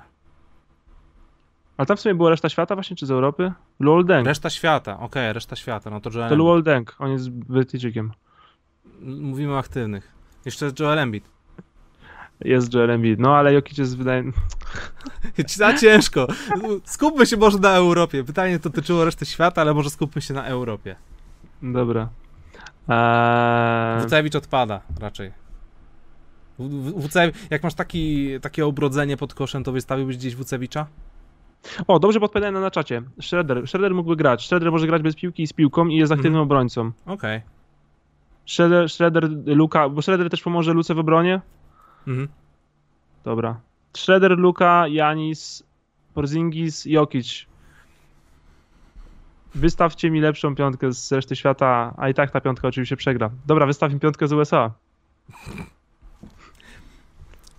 Nie wiem, czy chciałbym mieć Shreddera czy Gorana Dragicia, no ale domyślam się, że to chodzi o kwestię wieku jeszcze i pewnej takiej fizyczności, więc może faktycznie Shredder. Ale jeśli chodzi o twoją czwórkę, wydaje mi się, że mimo wszystko e, chyba wolałbym Sabonica. Tyło buzie. No chyba, że w ogóle bym grał jakimś szalonym 5-0, no to wtedy bym Kristapsa dał na piątkę, ale to też Jokic i Gobert na ławkę, na ławkę też bez sensu. No nie, ale wiesz, jak chcesz grać z Sabonicem, to jakoś tam ci z, z, z Gobertem może pogra. Mhm. No dobra, Dobra, jeśli chodzi USA. o Stany. Kyrie Irving, Stef- Donovan Mitchell, proszę, proszę cię. Dobra, naj, no, najbardziej oczywista rzecz. LeBron na, na trójce, LeBron na trójce, Stephen na jedynce, K KD na czwórce. KD na czwórce. E, czy w piątce wstawiłbyś Jamesa Hardena? Zastanawiam się, bo to będzie ostatnie miejsce, bo gra w tej piątce jeszcze Anthony Davis. Więc od góry Davis, KD, LeBron, nie wiem, Kary. Więc potrzebujemy wybrać dwójkę. No, chyba Harden. Kawhi Leonard? Nie mówimy, nie, właśnie, o tym, właśnie o tym pomyślałem teraz, że tu nie chodzi o piątkę najlepszych graczy, tylko o fit. I może Kawhi Leonard by się lepiej sfitował, a nie e, James Harden. Chyba, Ale to jest taki Kary- gdy banko profesjonalistów dwóch z Polski. Przepraszamy, jeśli ktoś to usłyszy w Stanach, w, Z- w NBA, to przepraszamy. To tak sobie tylko na żarty sobie rozmawiamy. Dobra, ale to było fajne pytanie. Dobra, lecimy dalej? Czy chcesz jeszcze tutaj pogdybać? Lecimy dalej, ja o tym pomyślę jeszcze w wolnym czasie. Podoba mi Dobra. się to. E, pan Paweł, pozdrawiam serdecznie pana Pawła i cytuję, miłego wieczoru. PS, Javal McGee to najlepszy rozgrywający ligi Change My Mind plus kącik miłości New York Knicks. Ulubiona drużyna 1% oglądający, oglądających stream właśnie za- zalicza streak tylko 2L, 2L i gdyby dzisiaj e, się skończył sezon, to byliby w playoffach, nie licząc turnieju o playoff. Tak, gdyby się skończył sezon, to byśmy mieli Nikolę Jokicia też jako MVP. Mm, I, I to byłby królem strzelców aktualnie? E, królem strzelców. E, ktoś tam zalicza jakieś takie mocne 30+. Plus. A Tyrese Eee. Halliburton zostałby Rookie of the Year. Być może, ale też opuścił trochę meczów. No. Dobra, e, Javal najlepszy Bradley rozgrywający Bill ligi. jest królem strzelców. 34,5 punkta. Okej. E, Javal McGee najlepszy rozgrywający ligi Change My Mind, tak napisał pan Paweł. Wiemy, że to, to odnosi się do jednej z akcji, które zrobił. I jak ja to zobaczyłem, Boże, o, jak dobrze, że on to zrobił. Bo ja miałem flashbacki z czasów z Waszyngtonu, kiedy on robił takie cyrki na boisku. To był jakiś tam przechwyt czy zbiórka, później ominął obrońcę jakimś tam krzywym koziołkiem pod nogami, a później ledwo co dolecił do obręczy. Już myślałem, że spaw będzie. Ale zrobił to, Tak, ja też. ale zrobił ja, to. Ja byłem pewien, że to jest spa, spaw, no. No. Totalnie, że tak, on tak się szybko wybił, tak nie, nie tak wiesz, w pełni jakby nie wiem, takiej najlepszej pozycji, ja mówię, ze spawa, to nie ma opcji. No. I wcisnął. Dobrze, dobrze, Javal McGee. Tak właśnie załatwiasz sobie transfer do Brooklyn Nets, bo im brakuje ballhandlerów. Dokładnie, genialne. Oczywiście tutaj co, lecimy dalej z donatami. Już nie będę już przypominał o łapkowaniu w górę, chociaż właśnie to zrobiłem. Pan Cukier, Mr. Sugar. Cześć wszystkim, wam w szczególności. To, y, czy myśleliście może kiedyś o formie studia, do którego można zadzwonić, coś jak Hate Park, tyle że bez hejtu? Pozdrawiam serdecznie, życzę wszystkim miłego wieczoru. Dziękujemy za propozycję, wiele razy już ją tutaj słyszeliśmy, ale wiesz co, nie mam pojęcia, czy byśmy dali radę ogarnąć jeszcze jeden temat tutaj. W sensie, jest czat, są donaty, mamy aktualne tematy, ten, ten program nie, nie, odno- nie, nie polega tylko i wyłącznie na, na odpowiedzi dla czatujących i donaterów, więc nie wiem, ale może kiedyś zrobimy jakieś, jakąś specjalną wersję, odpalimy Skype'a. Oczywiście tak zawsze jest lekka obawa, że jacyś idioci się dodzwonią, bo tam jednak w kanale sportowym mają gościa na reżyserce, który jednak przesiewa troszkę. E, tutaj, tu- tutaj tak chyba raczej nie będzie, no ale w sumie. To właśnie byłaby moja myśl, że jeśli coś takiego miałoby się wydarzyć, musielibyśmy mieć osobę, która by nam pomagała ogarniać. Alicja, piszesz się na to? Usłyszę za dwie minuty, bo stream ma, ma opóźnienie. No. No, więc... Także jakby co, to e, jest jakiś pomysł. Tak, to jest fajny pomysł, ale niewykonalny w dwie osoby. I tak już tutaj lecimy naprawdę. Ja czasem też na przykład łapię się już na tym, że czytam czat i gubię wątek i no. nie jest to najlepsze, ale też chcę być na czacie cały czas i ty masz donaty jeszcze, więc e, jesteśmy tylko ludźmi. Cena profesjonalizmu, Bartek. Musicie nam wybaczyć, to jest niestety. cena właśnie. Um, Bugi. Dziękujemy za donate. Coś do kącika miłości Nowego Jorku. Słyszałem, że są na topie w obronie. Poza tym kciuki za Golden State Warriors. Pozdrawiam. Tak, Nowy Jork są dobrzy w obronie. Sprawdziłem sobie statystyki i chociażby z ostatnich pięciu spotkań. Gdzie ja to miałem? Sobie sprawdziłem statystyki e, z ostatnich pięciu spotkań, jeśli chodzi o rzucanie, o trafianie przeciwników.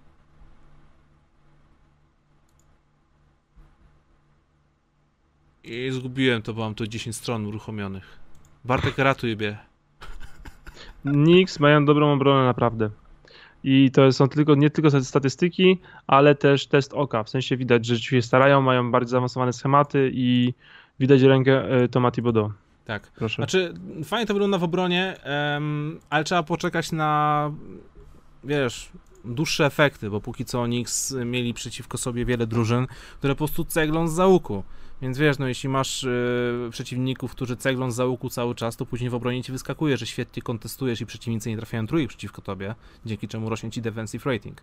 Więc tak, na ten moment, bazując na, na statystykach, można powiedzieć, że mają świetną obronę, ale trzeba poczekać no dalej, jak to będzie wyglądać. Jeśli w połowie sezonu będą mieć świetną obronę w top 5, to zrobimy specjalną wersję kącika miłości New York Knicks. Teraz są na piątym miejscu defensive rating, więc mm. brawo. Kto jest pierwszy? Brawo. Entuzjazm, entuzjazm, tak jest. Brawo, no, no brawo, ale wciąż Także... jesteście gorsi niż Memphis Grizzlies, więc... Brawo. Okej. Okay. Memphis Grizzlies. Tak. Kuba, dziękujemy również za donate, lecimy teraz tutaj.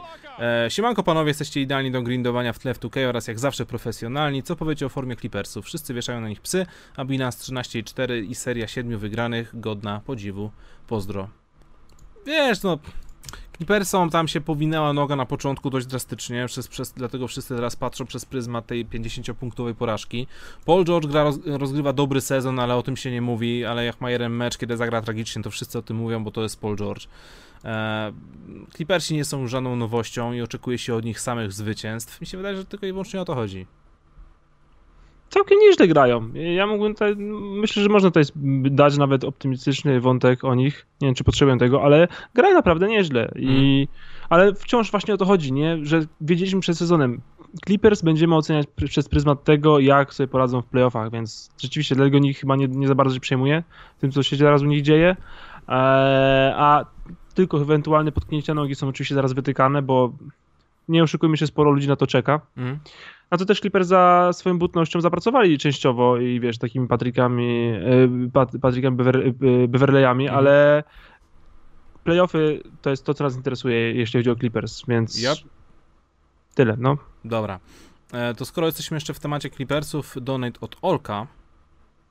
To jest pytanie podchwytliwe. Siemanko panowie, czy waszym zdaniem Kawhi był najlepszym raptorem w historii? Czy myślicie, że Toronto zastrzeże jego koszulkę? Robicie mega robotę, pozdro. To może zacznę od drugiego pytania. Wydaje mi się, że nie ma, nie ma opcji, żeby nie zastrzegli jego koszulki, bazując na tym, że podarował im pierwsze w historii e, mistrzostwo NBA. Ale ta pierwsza część pytania jest bardzo taka. Powiem ci tak. Kojarzysz ten mój cykl, który robię raz na dwa lata, drużyna wszechczasów, prawda? Tak. Wybieram sobie tam piątkę najlepszych zawodników z danego klubu, z całej organizacji i na przykład jak zrobiłem drużynę wszechczasów Miami Heat, to wrzuciłem do pierwszej piątki LeBrona Jamesa oraz Shaquille O'Neal'a i dostałem bardzo dużo opinii, po prostu, że oni jakby nie zasługują na bycie w pierwszej piątce, bo grali tam za krótko. Tylko, że wiesz, oni podarowali tej, tej organizacji mistrzostwa. Jeśli chodzi o Toronto Raptors, mówimy zaledwie o jednym mistrzostwie w całej historii organizacji. Więc, no kurde. Kogo stawiasz wyżej? DeRozana? Masz trzy, masz trzy miejsca. DeRozan, Carter i Kawhi. Kogo stawiasz najwyżej? To jest no, strasznie trudne pytanie. No właśnie, ale kurczę, czy to jest tak? E, odpowiem na to pytanie trochę, trochę pokrętnie. Kawhi Leonard jest najlepszym koszykarzem, w sensie w historii Toronto Raptors najlepszy koszykarz, który zagrał w jej koszulce to jest Kawhi Leonard. Czyli najlepszym koszykarzem w sensie formy koszykarskiej w momencie historii to był Kawhi Leonard w tym sezonie. Ale to, ta, ale to widzisz, y, czyli Kawhi Leonard, wrzuc, wrzu- gdybyś miał wybierać tylko jedną osobę do drużyny z Raptors, to wrzuciłbyś Kawhi Leonarda, pomimo tego, że zagrał dla nich e, jeden sezon. Ale gdy patrzysz na to przez pryzmat całej historii, or, całej historii organizacji, to jednak jakby chcesz dać, dodać takie punkty sympatyczności dla tych zawodników, którzy tam grali, wiesz, 7-8 lat. No tak, no i taki Mimo tego, że nie dzięki wygrali któremu tyle, ten klub istnieje, nie? W sensie bez, bez Vince'a Cartera nie byłoby Kawhi Leonarda w Toronto Raptors, bo powiedziałbym, że klub by nie istniał. Mhm. No i to jest takie, no wiesz, ciężko to ocenić. Ja myślę, że koszulkę zdecydowanie no, powinni zastrzec. No jest MVP finałów jedynego mistrzostwa tej drużyny. Drużyn zastrzegało za mniej, więc y, tak, ale no, czy był najlepszym raptorem w historii? No raczej nie, no właśnie to już za krótko, nie? Mhm. I taki właśnie Lowry, y, Carter czy nawet Bosch trochę docenieni muszą być, ale koszulkę zdecydowanie powinni mu zastrzec. I zdziwiłbym tak, się to bardzo, gdyby się to nie wydarzyło. Nie, no nie ma opcji, żeby nie zastrzelił koszulki, koszulki pomimo, tego, pomimo tego, że był tam zaledwie jeden sezon. Wiesz, to jest cały czas, gdyby to było, nie wiem, drugie czy trzecie mistrzostwo w historii, to może by na to patrzyli w taki trochę inny sposób, ale to było pierwsze historyczne mistrzostwo w historii, bądź co bądź dość młodej organizacji, no bo ile, 96, 7 weszli do ligi? Jakoś tak. No w każdym razie młodziutki klub tak na, przez pryzmat całej historii, prawda? Pierwszy Tak. raz zdobyli misia przez obecność gościa, który pojawia się tam przypadkowo na jeden sezon NBA. To brzmi No. tak, wiesz, brakuje w tym romantyzmu, ale z tego, co się Ale orien- zdobył z tego, co się orientuje, nagród się nie daje za romantyzm, tylko za wyniki. Dokładnie, a gra się po to, żeby zdobyć mistrzostwo, przykro mi. Okej. I można tego nie lubić lub nie, ale koniec końców pamiętamy zwycięzców, no i tyle. Lecimy do kolejnego pytania. Jordan is the GOAT. Pozdrawiam serdecznie. I teraz cytuję. Siema eksperci, świetny tydzień za nami. Taka myśl mnie naszła, że to może być pierwszy raz od 4 lat, w którym Harden ani Janis nie są w pierwszej trójce konkursu MVP. Nie dlatego, że słabo grają, ale są lepsi. LeBron, Embiid, Durant czy Jokic i Steph. Jeśli chodzi o e, szansę MVP dla Hardena, to wydaje mi się, że ten pociąg odjechał. Tak. E, już już przez, przez początek w Houston niefajny i, i całe, całe w ogóle to przejście do Brooklynu. Ale tak, to prawda. Już, już w tym sezonie nie będzie wielkich kłótni oraz klipów na YouTubie, czy, czy, czy to bardziej Harden, czy bardziej Janis zasługuje. Wszystko się pozmieniało. Ale ja nic myślę, że spokojnie w trójce może być. No tak, na dłuższą Jeśli, metę. jeśli, jeśli Milwaukee wygra konferencję, to wiesz, nie wygra myślę, że Janis, ale, ale, ale może być spokojnie w trójce głosowania. Bo wiesz, yy, no zakładam, że wiesz, taka forma Jokic, Embiid, któryś z nich nie utrzyma formy cały sezon, tak obstawiam, no to by, to by była rzadkość. Mhm. Eee, więc wiesz, w trójce no myślę, że może być Janis spokojnie. No, jeśli LeBron na przykład zacznie opuszczać mecze albo grać jeszcze mniej, chociaż też no, z drugiej strony jak Lakersi będą mieli lepszy bilans, ciężko stwierdzić, ale myślę, że nie jest skreślony Janis. Harden rzeczywiście ten pociąg odjechał. Jeśli będziemy głosować na kogoś, dawać jakieś głosy na MVP, to będzie KD z tej drużyny. Mhm. E, Bo KD naprawdę gra znakomicie. Tak. I Ja jestem szczerze zaskoczony, jestem bardzo pozytywnie zaskoczony, jak on dobrze wygląda po tak ciężkiej kontuzji.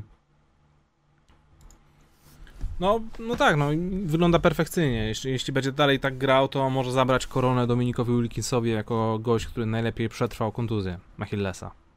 Dokładnie. No tak, no, bo, bo, bo no nie powiem, że Kevin Durant jest MVP, ale gra sezon na poziomie MVP, jak Mhm. na razie. No wiem o co się chodzi, wiem o co się chodzi. Tak, jest, Wygląda- jest, je- Wygląda tak, jakby nic się nie stało. praktycznie tak, no, praktycznie tak. No to jest chyba Jest naj, strasznie naj, najlepszy komplement. Ale nie ma na niego odpowiedzi wciąż, tak, Mhm. nikt nie ma na niego odpowiedzi. I, I brawo Kevin Durant, bo naprawdę się bałem, bo te...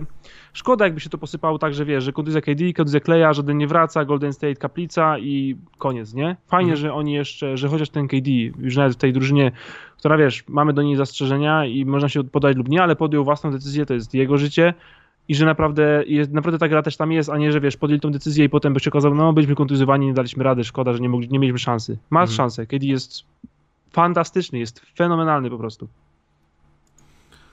E, Dave wysłał nam tutaj donate.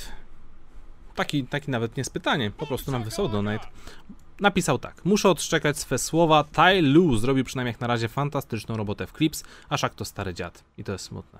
Dziękujemy Dave za, za, za donate oraz opinię. Słodko-gorzki donate. Tak, słodko-gorzki donate. O Szaku troszkę gadaliśmy na samym początku streamu, jakby co. Um, też, Clippers e, też nawet nawet się podpisujemy pod tym. Tak, tak, no za, znaczy zachowuje się jak stary dziad. Może mu to przejdzie, nie? Może ma jakiś kryzys, nie wiem. Mam nadzieję, bo ja generalnie tak pozabojskowo lubiłem Szaka, aż wiesz, tak, no jeszcze parę lat temu nawet, teraz, nawet nie to, że teraz tylko przez tą akcję, bo on tam ma czasem jakieś takie dziwne odpały i też te jego relacje z Barclayem jest taka, nie wiem, czasem śmieszna, ale dla mnie tak nie do końca, ale kurde, no Shaquille O'Neal, no wiesz, wystarczy, ja, bo mi wystarczy odpu- od, wiesz, odpalić jego trzy highlighty i ja już go kocham, nie? No wiem jest o co taki chodzi, problem. wiem co. No ja, jest taki problem, że ciężko mi nie lubić Shaka. ja cały czas się zastanawiam, e, cały czas się po prostu zastanawiam nad tym, ile w tym wszystkim jest gierki aktorskiej. Ile jest po prostu chęci zrobienia, wiesz, show w programie. No wiesz, ale kurczę, można zrobić show inaczej. No tak, to prawda. E, Lesiu, donate od Lesia, pozdrawiam serdecznie. Wyciągnął ciekawe nazwisko z szafy. Gerald Wallace to mój ulubiony koszykarz w historii. Czy Nets nie brakuje teraz takiego obrońcy jak on? Bardzo mnie interesuje, co myślicie o karierze Geralda Wallace'a. Czy macie z nim jakieś wspomnienia? Myślałem, że będzie trzymać ten jakiś kontakt. nie, nie. E, wspomnienie mam z nim takie, że to jeszcze były czasy, e, gdy próbowano stworzyć w Charlotte e, nową kulturę organizacji i próbowano robić superstarów e, z graczy maksymalnie solidnych. I tak było z Alem Jeffersonem, tak było z Gerardem Wallace'em między innymi. Tak samo, e, to samo co robił Boston, kiedy odeszło to całe, wiesz, ta stara gwardia Mhm. i Jeff Green był pierwszą opcją. To takie typowe, kiedy nie masz za bardzo talentu i no, ktoś musi być pierwszą opcją. Niezależnie od drużyny, jak drużyna jest słaba czy dobra, nie? I taki, wiesz, Jeff Green oddający 20 meczu, rzutów w meczu. Jeszcze Lance Stevenson miał dokładnie taką samą historię w Charlotte. I to, to było chyba największe fiasko, bo przynajmniej Wallace i Jefferson mieli dobre, dobre sezony. A Lance Stevenson po prostu okazało się, że nie jest na tyle dobry. To, że nie jest po prostu dość dobry, no i to No. tak właśnie wychodzi, czasem zależy od tego, jaką rolę masz. Tak. E, przykro mi, jeśli jesteś fanem Geralda Wallace'a, ponieważ moje wspomnienie z Geraldem Wallace'em to jest niestety to, że był połową tego nieudolnego duetu próbujący zablokować Kobiego Bryanta, kiedy zesplitował obronę, wszedł w środek i zrobił taki wsad nad właśnie rękami, w sensie nie, tak, E, Chris Kobe? Kobe robi wsad i Humphries i Wallace im się tak, Tak. ręce zamykają za nim, no to, to, to, zdjęcie, to zdjęcie wygląda jak obraz z renesansu. Tak, na, to, to jest jakiś... To jest jakby ktoś, Nie, to- jakby ktoś rysował to zakierką. Mhm. Tak, to, to jest niesamowite, to- jest moje wspomnienie, w którym, mm, znaczy jak myślę Gerard Wallace obrazek, to widzę ten obrazek niestety, Tak. bo ten wsad jest absolutnie magiczny, w sensie tam naprawdę to były ułamki sekundy, ale wyszło po prostu idealnie, bo on zapakował i oni praktycznie sobie wdali w twarz nawzajem. Tak było. Ale wiemy jak to jest, że na posterach i ofiarami crossoverów padają tylko ci, którzy starają się i próbują, więc nie ma nic złego w tym, że ktoś zrobił na to poster albo że się przewróciłeś na krosie. Dlatego teraz wielkie oklaski dla Jareta Allena. Na przykład. Tak, tak, no bo też właśnie Po tym poznajesz gościem... dobrego obrońcę, po tym, że nie, nie, nie ucieka. Ostatnio widziałem mecz, jak Zion Williamson po prostu od, obijał się od wszystkich. To było chyba z Sacramento, mi się wydaje. Obijał wszystkich. I Richaun Holmes w jednej akcji, jak dostał z bara, to wyleciał poza boisko, a w drugiej akcji po prostu, jak Zion zaczął wchodzić pod kosz, zrobił mu przestrzeń pod koszem. Przestał w ogóle kryć. Bał się wyskoczyć do obrony, nie? I to jest, co powinnośmy krytykować, jeśli chodzi właśnie o obrońców. Nie to, że ktoś się właśnie przewrócił na krosie, bo się przewrócił, to znaczy, że był nisko na nogach i próbował pracować na nich, a nie stał Mhm. prosto i dał się objechać jak dziecko. E, I takie rzeczy właśnie, ci zawodnicy, którzy odchodzą spod kosza, bo ktoś idzie na wsad dobry, typu wiesz, Janis, Lebron ci idzie na wsad i myślisz, a szkoda, nie będę na posterze, Mhm. ich powinniśmy jechać krytykować, oni są do dup obrońcami. Dokładnie tak. Bo nie ma ujemnych punktów za to, że ktoś na to zapakował. I to nie jest, że o, nie chciałem mu zrobić krzywdy. Nawet nie spróbowałeś, bo możesz stanąć na offense. Speak louder, brother! Speak louder! I hear you! Więc brawo Jared Allen i brawo Jared Wallace. Y, Ja jakoś nie, nie, nie śledziłem jego kariery bardzo blisko, nie przyznam się, szczególnie lat Charlotte, bo Charlotte aż nie śledziłem w życiu. Mhm. Eee, ale kurde, w sensie ja pozytywnie go pamiętam. Mówię, nie mam jakichś, jakichś niesamowitych jakichś takich wspomnień, czy jakoś że bardzo czym przyglądałem, eee, ale, ale dobrze go wspominam, nie? Po prostu. Nie wiem czemu, e, może to będzie zbyt negatywne, bo chyba go porównam do gorszego zawodnika, ale nie wiem czemu zawsze traktowałem Geralda Wallace'a jako takiego troszkę, takiego Geralda Hendersona troszkę. Może po prostu Okej. też przez zbieżność imion, ale tak zawsze wydawało mi się, że to byli bardzo podobni zawodnicy. Może być. Okej, jeszcze no to tak, tak, tak, tak się dziwnie kojarzy, nie? Czasem to jest tak, że ktoś ma po prostu, nie wiem, ramiona do kogoś podobne. Ja ci tak patrzyłem z tyłu na ramiona Mitchella Robinsona i myślę, kurde, Pascal Siakam ma takie ramiona. Mało kto ma takie ramiona. Mhm. Ale to nie, nie jest nic żadne, no w sensie to wyglądają podobnie, nie? E, Czy właśnie mówisz, mają podobne imię nazwisko i się mylą. Kto, nie, E. pomyśli, kto nie pomylił Treja Belka i Aleka Bergsa, nigdy niech pierwszy rzuci kamieniem. Nawet y, komentatorzy śmiali się z tych, tych nazwisk. Jak mówili obok siebie, pamiętam. Berk Berks. Taki poziom humoru na naszym poziomie. Bartek, lecę dalej już z tymi donatami, dobra? Bo tutaj Irving is Dead's Ban. To kolega tak się tutaj nazwał i wysłał donata. To tak, top 3 największych odklejająców w historii NBA i co sądzicie o Cavs, co klepią dwa razy Nets. Eee, o Cavs, co klepią dwa razy Nets, już powiedzieliśmy, powiedzieliśmy z pół godzinki temu. Dość Mhm. dużo na ten temat, więc nie będziemy powtarzać, jakby co to odsyłamy. Eee, druga sprawa, dziękujemy za donate. A jeśli chodzi o top 3 największych odklejęców w historii NBA, widzę, że, że e, nickname sugeruje, kogo tu wymienić. Bo to zależy, bo na przykład niektórzy czy mają mówimy, po prostu... czy, czy mówimy o osobach, które mają poważne problemy, których nie należy się śmiać?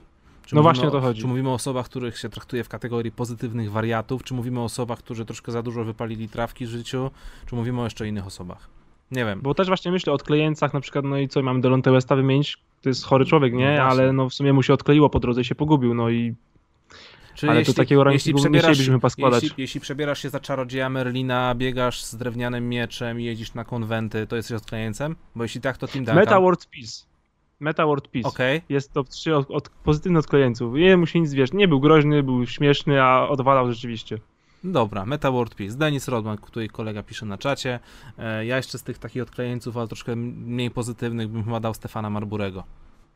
Bo jednak, sorry, ale jedzenie wazeliny na kamerce internetowej to to był viral. No, ja właśnie też miałem takie właśnie Marbury, może e, e, e, Steve Francis, chociaż też Francis potem też poszedł w kierunku. Ale wiesz co, jeśli chodzi o Steve'a Gilbert Francisa, Arinas, to jest też spoko e, podpowiedź z czatu Heron. Y, Arinas też ale był... on był pozytywnym odklejeńcem, oczywiście Tak, pomijając jego e, przygodę z przynoszeniem broni do szatni. Tak, ale ale- wszystko, co inne robił, to było takie, wiesz, wesołe. On był, jed, on był jednym z pierwszych blogerów w ogóle w historii e, koszykarzy zawodowych. Poza lufą do skroni to fajny gość, nie? No w sobie tak. No, Tak. tak to trochę wyglądało, ale Nie, No, no, było, to- było ich sporo, no można, można o tym w ogóle film zrobić, nie? Tylko właśnie trzeba, trzeba było podzielić na tych odkleńców e, w, przez pryzmat zabawności i tematów poważniejszych. Tak. Ale takich pozytywnych, niegroźnych to ja mówię, dla mnie Meta World Peace MVP takich zawodników. E, puszczam kolejnego donata, dobra? Od e, Dobrze. Łukasza. Pozdrawiam ciebie Łukasz, mój drogi imienniku. Moje śledzenie NBA... Sorry. Moje śledzenie NBA ogranicza się do oglądania wyników na Flash Score i no, no i oglądania was panowie. Dzięki temu w rundzie drugiej w Noin wjechało miejsce w okolicy 32. Sukces. Pytanie czy i jeśli tak, to jakie są kosy i zgody w NBA? To na początku gratulacje za, takie, za taką wysoką lokatę, naprawdę props, chciałbym, też tak. Eee, I życzę powodzenia. Mam nadzieję, że uda Ci się też coś tam wywalczyć jeszcze wyżej, bo tam za pierwsze 5 miejsc bodajże są nagrody. Czy je, je, jakie są kosy i zgody w NBA? No na ten moment mamy kosę na pewno Donovan Mitchell, Shaquille O'Neal. Eee, ale jeśli o, o jakieś takie inne, mniej lub bardziej poważne kosy, eee, żyjemy chyba w takich czasach, takiej lidze, gdzie już nie ma takiego jawnego hejtu. Nie, a nawet są, są- No. Jak są nawet takie rywalizacje, typu na przykład kluby, że mają właśnie kosę czy zgodę, cokolwiek, no to też jest zazwyczaj taka sportowa, że ktoś po prostu kogoś strasznie leje i ktoś próbuje się odbić, nie? Mhm. Tak, nie wiem, Lakersi byli Kings i się chcieli odbić, ale to nie była jakaś taka nienawiść, że wiesz, że, że nie mogłeś założyć koszulki Lakers y, w sali z Sacramento. No tak. Kiedyś to były kosy. Kiedyś to było. Pamiętasz czasy Detroit Pistons, Tak Michael bili, Jordan. no. Tak, jak się bili. To była kosa. Prawdziwi Potem byli mężczyźni. zawieszeni 30 meczów i o to chodziło. Nie, no wtedy nie zawieszali przecież w ogóle. Przecież tam można było bić po twarzy, nie pamiętasz? A, widzisz. Ja, ty za młody jesteś, Bartek. Ja tam byłem. Siedziałem przed, siedziałem przed tym kineskopowym 10 cali. Byłem na żywo, to widziałem. Po- po- na- Byłem, widziałem, pamię pamiętam. No. Też bym się bił, jakbym tam był. E, Z takich e, sportowych czysto, rywalizacji, e, no to Damian Lillard i, Okla- i, i, i no, Oklahoma, teraz Clippers, bo to był najpierw Westbrook i George, teraz to Mhm. jest George i Beverly i trochę Marcus Morris, to jest spoko. Rzeczywiście widać, że jest zmotywowany e, zawsze na nich. E, Philadelphia zawsze miała fajne mecze z Bostonem, bo Boston ich niemusi- niemiłosiernie lał. Teraz Philly Mhm. się trochę odbiła, ale też teraz wygrali z nimi dwa razy bez więc ja to tak, e, wygrali bez tej teama, to takie wiesz, kokrzenie, nie? I że to właśnie, że Embiid strasznie ob obrywał od nich te, te e, i to było ciekawe. E, takie kosy, nie wiem czy to są kosy, ale też widać ekstra mobilizację. Często jak szukacie dobrego meczu, to taki protip. Zawodnik, którego drużyna przehandlowała, kiedy był młody jest bardziej zmotywowany, żeby z nią grać. Przykład, Andrew Wiggins zawsze ma najlepsze mecze w sezonie przeciwko Cleveland. Brandon Ingram teraz w tym sezonie jest tym zawodnikiem, ma dobre mecze bardzo z Lakersami. Mhm. W sensie ci zawodnicy, których właśnie wiesz, mm, nie dostali należytej szansy, zasłużenie, znaczy tam w swoich oczach czy ogólnie, i są widać zmotywowani. To samo było teraz Cavs Nets. Widać, że Torin Prince i Jared Allen chcieli, naprawdę chcieli wygrać te mecze. No tak. I to są to, to takie sytuacje, to naprawdę e, myślę, że czasem warto sobie pośledzić właśnie, bo widać, że e, to się dzieje i to się taki, taki zawodnik kilku, dwóch, trzech może jest takich właśnie dobrych młodych, którzy ich szybko przehandlowali.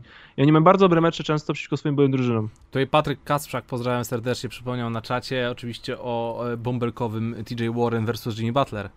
To była kosa. To, już, to, była, to była chyba taka prawdziwa kosa już. No to Harden Janis. Komentarze Hardena były takie, wiesz, e, Ale ewidentne to były, takie, to wiesz, były nie? takie małostkowe przytyczki, to nie była taka jawna kosa. No tak, wydaje. właśnie, bo to było takie zawalowane, ale generalnie wiadomo było o kogo chodziło, nie? No tak. E, Mówienie, chciałem mieć 7 stóp, biegać w kółko i pakować nad każdym, bo to nie wymaga żadnego skillu. To Siedem jest, stóp. e, Dla mnie to jest całkiem mocny komentarz. No tak, tak. Dobra, lecimy dalej. Eee, donate od El Chapo. Pozdrawiam również El Chapo serdecznie. Siemanko, cytuję już. Nie sądzicie, że cała drama z Irvingiem była zrobiona po to, żeby Nets wzięli Hardena? O, muzyczka z archiwum Mix zlatuje. A przez zachowanie Irvinga nikt. a przez zachowanie Kyriego Irvinga nikt innego nigdzie nie chciał? Może panowie zaplanowali sobie taktykę, żeby grać razem? Ma to sens, czy jest to zbyt gruba intryga?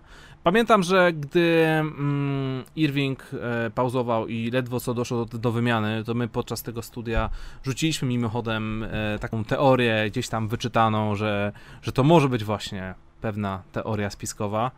Ale ile jest w tym prawdy? Wydaje mi się, że to już chyba pozostaje kwestia e, amerykańskich youtuberów, żeby o tym filmy zrobić. Bo takie rzeczy się albo nie dzieją, albo bardzo szybko wychodzą na jaw. A jak wychodzą na jaw, to się sypią grube kary e, i później jest to zapamiętywane do końca życia, więc, więc wydaje mi się, że nie. Wydaje mi się, że to nie miało miejsca, tak naprawdę. Prędzej, ale to też nie wydaje mi się, że to się wydarzy, ale jakbym miał już obstawiać takie właśnie, że nie to, że się dogadali we trzech, ale jakby Kyrie nie był odklejony, to bym mógł sobie pomyśleć, że Kyrie może po prostu jest chytry i specjalnie obniża swoją wartość transferową, żeby nie zostać zhandlowanym. Mhm. Bo się wystraszył, że go mogą sprzedać, ale nie to, że w, w, w, porozumieniu z Hardenem z KD, tylko po prostu sam w sobie pomyślał, kurde, ej, muszę coś zrobić, bo jeszcze mnie zhandlują, więc obniżę swoją wartość transferową. To Ale wysz- to jest Kyrie Irving i wątpię, że to taki proces u niego myślę by zaszedł. Czyli widzisz, teoria spiskowa, czy Kyrie Irving naprawdę jest tak mądry, z jakiego się uważa? Bo jakby- Czy jednak jest tak jeśli- głupi, za jakiego... Bo jeśli jest, to może właśnie to przemyślał wszystko. Przewidział przyszłość i stwierdził, dobra, to teraz robimy coś takiego. House of No tak Cards wersja było- NBA. Tak jak było to mówienie, że Kyrie Irving odszedł, wiesz, y, olał, znaczy zniknął i wtedy Netsi grali chyba z Waszyngtonem czymś takim i poszły jakieś zachorowania na, na, na, na, na wiadomo na co. Mhm. I że Kyrie Irving przewidział, że teraz będzie szczyt, wiesz, y, jakby zachorowań w NBA i po prostu uniknął tego, więc pojechał na imprezę. 40 osób. Myślę, że ani Kyrie nie jest tak głupi, jak my myślimy, ani tak mądry, jak on myśli, ale więc nie, nie, nie doszukiwam się tutaj jakichś teorii spiskowych. Tak, prawda jest pośrodku. Em, lecimy dalej.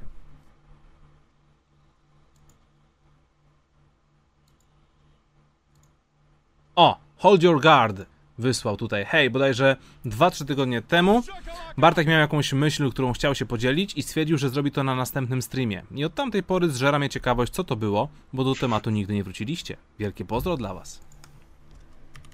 Bartek? Pytanie do ciebie. Nie pamiętam. Ja też nie pamiętam, za cholerę. Nie pamiętam. Kurde, z trzy tygodnie temu. Holder Guard musisz mi wybaczyć. Ale nie pamiętam o co mi chodziło wtedy. W sensie to pewnie było na podstawie jakichś tam meczów, a i potem po prostu tego nie wróciłem, bo to już może jest nieaktualne, ale nie pamiętam. Przykro mi. Mhm. To może, powtórzy, może, może powtórzymy to za tydzień. Może przyjdzie. Dobra, i obiecuję od Zadanie- tego, że jeśli zadanie- będę miał jakąś myśl, to nie odpuszczę jej do kolejnego streama. Okej, to- tutaj zadałem, le- lecę z, lecę z kolejnym pytaniem od Filipa. Cześć, co jeszcze musi zrobić rookie z numer trzeciego draftu poza pobiciem rekordu NBA, że jest najmłodszym zawodnikiem z triple-double, żeby YouTube'owi komentatorzy przestali kręcić z niego bekę, szanowali go jak numer 2 Wisemana, czy chociażby numer 15 Cole'a Antonego? Którzy YouTube'owi E, komentatorzy cisnęli z niego bekę, Bartek? Nie wiem, ale odpowiedź na to pytanie jest bardzo prosta e, i udzielił jej trener e, Lamelo Bola Mhm. e, w niedawnym wywiadzie. E, musi przestać tracić 5 piłek w meczu. Tak. I zacząć trafiać troszkę częściej niż, niż na 40%. Tak, musi po prostu być lepszym rozgrywającym, czyli poprawić skuteczności, obniżyć, poprawić stosunek asyst, wskaźnik asyst do strat. Bo to jest bardzo ważny wskaźnik, szczególnie jeśli masz być handlerem w drużynie. Tak jest. I to nie jest nic złośliwego ani strasznego i też nie jakaś krytyka. Chłopak ma 19 lat. To nie jest nic dziwnego, że gubi piłkę, ale to jest coś, na czym musi pracować, jeśli chce kończyć mecze i jeśli chce być w piątce i grać dużo większe minuty. Ale tutaj można się pochylić ogólnie nad debiutantami i stwierdzić, ja wiem, że ta klasa draftu e, od samego początku nie była, prze, wiesz, e, nazywana, że to będzie coś niesamowitego, ale jednak nie ma takich super debiutantów. W sensie, tak, wiesz, wiesz o co mi chodzi. Mamy pojedyncze mecze, którym mo którymi można się zachwycać, ale jak spojrzysz w średnie, to nie mamy takiego debiutanta, który wychodzi na samą górę i się okazuje, dobra, już teraz w tym momencie jest super. Tak jak było to w przypadku Donowana Mitchella i Bena Simonsa jeszcze chwilę temu. Czy Malcolma Brogdona, nie? Czy Malcolma... Tak, tak, tak, wiem, wiem do czego e, Tak, masz rację, ale tutaj najpierw usprawiedliwienie. Mhm. To są wciąż rookies bez Summer League i bez preseason. Tak. E, więc od razu wrzucenie na głęboką wodę, więc A, ciężko przebić do rotacji, B, jak już nie jesteś, to trochę się uczysz naprawdę wszystkiego na bieżąco. Mhm. E, druga sprawa, Lamelo Ball jest strasznie młody, tak jak było. Najmłodszy triple-double, bo gość jest po prostu bardzo młody. James Wiseman zagrał profesjonalne mecze przez NBA 3. E, Edwards, czy zawsze mylę to nazwisko, to jeden, y, pierwszy pick draftu? No tak, no to on póki co wygląda tragicznie. Gra w Minnesota Timberwolves. No właśnie, dlatego powinien być bardzo dobrym debiutantem, bo powinien tam dostawać szansę i aktualnie tam jest bodajże na trzecim miejscu w ilości oddawanych rzutów w Minnesocie, a mimo to trafia na 28% w ostatnich kilku spotkaniach. Tak, skuteczności to nie tłumaczy, ale wiesz, weterani w szatni, poukładana gra raczej służą takim rzeczom jak skuteczność. Mhm. A Minnesota Timberwolves to jest Minnesota Timberwolves. Przykro mi, to jest, jest okropne. Przy, przy, przykro, nie wiem, czy są tu jeszcze fani Minnesota, czy wszyscy po prostu wyginęli tak jak Kevin Garnett, e, bo to jest, są te same roczniki, ale naprawdę Minnesota Timberwolves nie da się oglądać, nie chce się oglądać i tam nie rokuje. Ja nie wiem, no, ja nie wiem naprawdę, nie wiem, czy, czy, czy D'Angelo jest aż tak zły? Bo ja nie wiem, naprawdę i ciężko mi powiedzieć, w sensie tak, skreślać go już, bo też jest młody, nie? I, ale kurczę, jest tragedia. Tragedia. Oni przegrywają z wszystkimi. W sensie teraz jest taki moment w NBA, że jak ci nie idzie, masz serię porażek, jedź do Minnesoty. Czekaj, pokażę wam kogoś. Scotty, chodź tutaj. Chodź tutaj. Chodź tutaj, grubasie. No chodź, nie bój się. Gwiazda przyszła na streama. To jest Scotty, który bardzo nie lubi siedzieć na tym, ale to jest jak zabawka, można go tutaj wnosić zawsze. Dobra, teraz ci dam coś fajnego do jedzenia, zaskończymy poszedł obrażony, jak, jak śmiałem w ogóle go dotykać. E... Nawet nie spojrzał w kamerę, nie? Taki wiesz. Yy, no, z wami to jest gwiazda, to jest gwiazda. E, ja od siebie tylko chciałem powiedzieć, jeśli chodzi o debiutantów. Tyrese Halliburton, 47% skuteczności z załuku.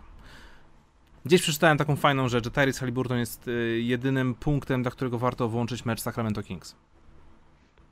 Podpisuję, jest, że pod... jest I... sporo prawdy. I to jest jedyny powód, dla którego obejrzałem trzy mecze Sacramento i, i raczej tego znowu szybko nie zrobię. Lecimy dalej. Bo już zobaczyłem Haliburtona jak chciałem, a mm. już, nie, już nie mam takiej potrzeby i pff, Sacramento bylibyście, bylibyście na miejscu Minnesota, jakby Minnesota nie istniała. Lecimy dalej. E, Koza to tutaj wysłał pytanko też, e, do którego się wspomnieliśmy chwilę temu. Kto w tym sezonie jest lepszy, Joki Czembit? Panowie, pozdrowienia dla was i dla moich braci. Pozdrawiam braci. Pozdrawiam braci. Te słowa mówią wszystko, dlatego konsekwentnie trzymamy się blisko. Jokic Czembit, no co, no cóż, no, na, według basketball referencji Jokic. I to się póki co tak trzyma. I czekamy na, na rozwój e, dalszego sezonu. Jakby co, to na ten temat chwilę rozmawialiśmy temu, więc, więc Koza zapraszamy na, na wcześniejsze minuty. Stream oczywiście zawsze jest dostępny publicznie do odtworzenia, więc, więc, więc tak. Tuki wysłał tutaj 5 pięć dyszek z podpisem czołem załogo Kobi. Dziękujemy bardzo jeszcze raz, e, bo ten donate już wcześniej tam leciał. I tak swoją drogą, na tym streamie też chcieliśmy zamienić chociaż parę słów na temat Kobiego Bryanta, bo kilka dni temu, 22 stycznia, mieliśmy już 15. rocznicę jego e, rekordowego występu w, swojej indywidualnej karierze, ale też i w ogóle chyba naj, naj... mówi się o tym, że to jest najbardziej niesamowity występ w całej historii ligi, w którym może konkurować ewentualnie 100 punktów Wilta Chamberlaina, którego nikt nigdy nie widział i wokół którego jest dużo niewygodnych um, teorii. Więc, więc tak, Kobe Bryant 81 punktów, zwycięstwo y, w blowoutie, które w połowie jeszcze zapowiadało się na sromotną porażkę Lakers. E, niesamowity występ, mecz, wokół którego w ogóle powstały legendy. Obejrzałem sobie ten mecz e, przedwczoraj i e, robię teraz materiał o Kobe Bryancie, który bardzo bym chciał przedstawić Wam jeszcze w tym tygodniu. Strasznie dużą presję sobie na ten materiał narzuciłem, więc więc jest, trwa to dłużej niż myślałem, ale może dzięki temu materiał będzie troszkę ciekawszy. No i to jest, ta, to jest to pozytywne wspomnienie. Mm, Bartek, pamiętasz może co robiłeś, kiedy budziłeś się rano i zobaczyłeś wynik Kobe Bryant 81 punktów? Nie, nie pamiętam tego, byłem za młody chyba, ale lubię wracać do tego meczu. W sensie oglądam go raz na jakiś czas. Tak po prostu sobie włączam, oglądam, mimo że go znam, tak jak ostatni mecz Kobiego też widziałem go już dwucyfrową liczbę razy i po prostu sobie go czasem włączam. E, ten mecz był naprawdę taki interesujący z tego względu, że to był popis fajnej koszykówki i Jalen Rose powiedział coś takiego, że um, jeśli zobaczysz sobie miks z najlepszymi akcjami Kobiego Bryanta, to nie zobaczysz tam ujęć i, i, i, highlightów z meczu przeciwko Toronto, dlatego, bo Kobe tam nie bawił się w bycie superstarem, tylko po prostu chciał zabić przeciwników i wygrać ten mecz.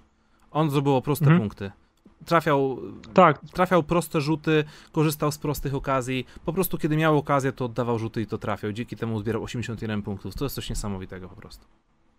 Bo tak to jest, jak są jakieś, y, jakieś mm, top, wiesz, jakieś top 10 akcji, top 100 akcji, 15 mm. highlightów Kobiego Bryanta, to często jest tam rzucony po prostu jako highlight właśnie ten mecz, w sensie jest, że o, to ten mecz, ten, ten scena jak schodzi z boiska, bo nie ma z, z tego meczu highlightu. Tak, bo nie ma z tego meczu highlightu koszykarskiego, ale tak. on sam jest highlightem. Bo jest po prostu jest po prostu efektywny koszykówką, po prostu wy, on po prostu wygrał mecz tam. On sam, bo to nie, ma, nie można tego inaczej powiedzieć, sam wygrał ten mecz, ale nie robiąc właśnie jakichś spektakularnych rzeczy, bo też, kurczę, jak grasz prawie cały mecz, to ciężko oczekiwać spektakularnych rzeczy. Po prostu robił to, co musiał zrobić, żeby wygrać ten mecz. I tyle. E, z tego meczu, właśnie powiedziałem niedawno, były dwie akcje, które bym ewentualnie uznał, że nadałyby się jako highlight, ale pierwsza akcja dlatego, bo Lamar Odom świetnie podał za plecami do ścinającego Kobiego Bryanta, który po prostu obrona zapomniała, że on istnieje, a druga akcja polegała na tym, że Kobe tam przechwycił piłkę, odratował piłkę po kilku kozłach e, i doprowadził do pierwszego prowadzenia Lakersów w całym tym spotkaniu. Tylko, że wiesz, patrzysz na ten mecz, patrzysz na tę akcję przez pryzmat całego meczu i myślisz, że to są highlighty, ale kiedy pomyślisz sobie o całej karierze Kobiego, zestawisz to sobie z jego innymi highlightami, to, to nie, wie, nie, wiesz, czy te akcje w ogóle by się znalazły w top 150 najlepszych akcji Kobiego. Jeśli chodzi o wi no wizualność, właśnie. o efektowność, wiesz, wiesz co chodzi. Tak, jakby oderwać od wyniku i wagi momentu, to tak, tak. No, po prostu. E, to jeśli chodzi o pozytywne wspomnienie, negatywne oczywiście jest takie, że jutro mam pierwszą rocznicę utraty Kobiego Bryanta. E, nie będziemy teraz chyba strasznie się nad tym rozpływać, bo wszystko na ten temat zostało powiedziane. Rok temu specjalnie zrobiliśmy sobie studio e, tylko na ten temat, żeby jakoś to wszystko przetrawić. no i co, no pozostaje powiedzieć chyba tylko tyle, że, że, że e, cześć, cześć jego pamięci, że wszyscy się już niestety z tym pogodziliśmy i pozostaje nam czerpać jak najwięcej z jego życia i z tego, co osiągnął za życia. O, nie, nie potrafię powiedzieć tego w ładny sposób ale... Ja się zgadzam z tobą, ale też dodam od siebie, czekam na twój materiał. Dziękuję. Mam nadzieję, że będzie dobry. Ja nie potrafiłem zrobić materiału o Kobim przez cały poprzedni rok. Nie, po, nie, po prostu nie potrafiłem. Tam raz czy dwa o nim wspomniałem, kiedy zrobiłem materiał o Philu Jacksonie, ale żeby zrobić materiał dedykowany o Kobim, jakoś tak nie potrafiłem. Przerosło mnie to. I teraz tak jakby ten materiał, y, który planuję wydać jeszcze w tym tygodniu, ciężko, ciężko, ciężko mi się to pisze. Jakoś tak nie wiem, mam wrażenie, że to jest po prostu cały czas za słabe, żeby to wydać. Że, że nie wiem, po prostu, nie wiem, no ale zobaczymy. Zobaczymy, lecimy dalej z donatami, Bartek. Mm, jak już tak przeskakujemy. Y, Jakub Kwa, pozdrawiamy serdecznie. Czy wciąż zaliczylibyście Gordona Haywarda do najbardziej przepłaconych zawodników ligi? Jest chyba na dobrej drodze, żeby zasłużyć na swoją pensję. Bo ten uśmieszek też dużo powiedział. Tak, to prawda. Gordon Hayward zaliczył ostatnio 39 punktów. Jest bardzo dobrym koszykarzem, który zasługuje na 30 milionów rocznie eee, w drużynie, która walczy o playoffy. Tak czy nie, Bartek? Podoba mi się, że ten donate tego typu pojawia się za każdym razem, kiedy Gordon Hayward robi coś dobrego. W sensie career high, season high, donate. I taki Shaquille... Nie robi czegoś takiego? I teraz Shaquille Cisza. O'Neal wchodzi. I teraz taki Shaquille O'Neal wchodzi. I co teraz powiesz? Game winner, donate. Nie ma game winnera, cisza. Gordon Hayward to jest wciąż bardzo dobry zawodnik. Jego odejście było częścią y, tego, że dałem Boston tak nisko w swoich przewidywaniach, bo Mhm. uznałem, że jego odejście to osłabienie, ale to jest czteroletni kontrakt, Mhm. Bardzo wysoki kontrakt, drużynie bez widoków na mistrzostwo i wciąż to jest jego najlepszy fizycznie rok. W sensie będzie tylko starszy. Jest po złej stronie trzydziestki, jeśli chodzi o sportowca, więc tak, gra dobrze w tym sezonie, tak, Charlotte jest lepsze z nim, tak, pewnie Boston jest słabszy niż on, ale to jest czteroletni kontrakt. Chill. E, Norganon też tam tutaj wysłał donata, dziękujemy bardzo. Dwa, kolej... Dwa grube donaty z rzędu, strasznie dziękujemy. E, Jak oceniamy początek Hardena w Brooklyn? Pozdrowienia. To właśnie w sumie na, ten, na tego donata odpowiedzieliśmy godzinę temu, kiedy rozmawialiśmy o Brooklynie, tak mi się wydaje. Także Norgan, nie wiem czy byłeś wtedy jeszcze z nami, czy nie. Nie wiem, czy drugi raz może nawet ci to odpowiadam, wybacz, ale już gadamy trochę i możliwe, że mózg mi już gorzej pracuje, ale dziękujemy bardzo e, za pytanko, za, za, za donate i, i chyba wcześniej po prostu ci odpowiedzieliśmy na to. Było tak. A co tak możemy, ja mogę dorzucić jedno zdanie? Tak, Tak. odpowiedzieliśmy rzeczywiście, ale chciałbym, żeby mu się ułożyło w tym Brooklynie. Nie podobała mi się końcówka tej przygody w Houston, bo była po prostu nieprofesjonalna, ale nie życzę mu źle. W sensie, kurde, jest fantastycznym zawodnikiem i mam nadzieję, że mu się to jakoś tam poukłada. Mhm. Nawet jeśli ma zaliczać po 15 punktów w meczu, nie mam z tym problemu. Jeśli to będzie 12 asy do tego, super. W sensie, że niech pokaże właśnie to, czego nie pokazywał i wiesz, i teraz jest podawane wątpliwość, czy to wciąż umie. Ja życzę mu naprawdę dobrze, ale Steve Nash masz dużo roboty przed sobą. No najważniejszą statystyką dla Hardena powinny być teraz zwycięstwa i, i pierścienie, więc y, będziemy, teraz, będziemy go teraz tylko z tego rozliczać. Swoją drogą, właśnie jak ostatnio sprawdzałem sobie statystyki, y, na którym miejscu plasuje się Kobe Bryant ze swoim 81-punktowym meczem, jeśli o, przez, patrzymy na to przez pryzmat samych statystyk, to na czwartym, wiesz, że na czwartym miejscu, jeśli chodzi o wszystkie występy w całej historii NBA, w sensie jakby tak licząc te wszystkie statystyki, tam bodajże od 83 roku jest cały ten licznik, to triple-double Jamesa Hardena z 60 punktami znajduje się na czwartym miejscu. James Harden jest autorem jednego z czterech najlepszych indywidualnych występów e, w nowożytnej historii NBA. Także wow. No, 60-punktowe triple-double, 30-punktowe triple-double budzi respekt. Tak jest. E, Bo tak naprawdę właśnie to, że 60-punktowe triple-double z asystami, mhm. to jest minimum 80 wykreowanych punktów, a pewnie bliżej 90. No tak. Co byłoby wyczynem niebagatelnym, jakby zamienić asystę na rzuty. E, tutaj wleciały jeszcze ostatnie takie cztery donaty na luzaku. Bez pytań konkretnych. E, ale dziękujemy wszystkim oczywiście. Makaron, pozdrawiamy serdecznie. Napisał, e, pozdrówcie proszę wielkiego fana Lebrona Lakersów i Bartka Makaroda z Kieźlin. Pozdrawiamy. Makarona Pozdrawiam makarona. Z Kieźlin. Nie jadłem dzisiaj makaronu, a myślałem o jedzeniu dzisiaj makaronu, ale odpuściłem jedzenie dzisiaj pizzę. Ale wciąż pozdrawiam makarona. Też dałem ci pizzę, cztery sery z Biedronki. Była na promce.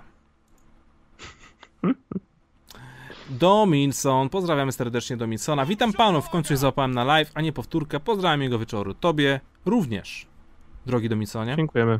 Dziękujemy. E, to jeszcze tutaj Bartosz G również nas pozdrawia serdecznie. Bardzo dziękujemy Bartoszu G. E, I Krakers na końcu jeszcze tutaj przywalił. Koszykówka jest fajna. Pozdro. I to były nasze ostatnie takie donaty pozdrawiające. Bardzo dziękujemy wszystkim za takie po prostu luźne, wspierające donaty, bo jednak tych pytań i tak mamy strasznie dużo, trzeba przyzna- przyznać na każdym studio. Ale tutaj, uwaga, moi drodzy, chciałem jeszcze przypomnieć o tym donajcie grubym, który wleciał do nas ze Szwajcarii. E, od Stelmiego. Dziękuję bardzo Stelmi. I uwaga, cytuję. Elo panowie. Pozdro ze Szwajcarii, oglądam was mega dawno, ale dziś pierwszy raz na żywo, więc spłacam zaległe donaty. Moje pytanko, czy myślicie, że jeśli Durant utrzyma obecną formę, to ma szansę na MVP? Póki co, póki co szanse chyba większe niż Luka. Hmm?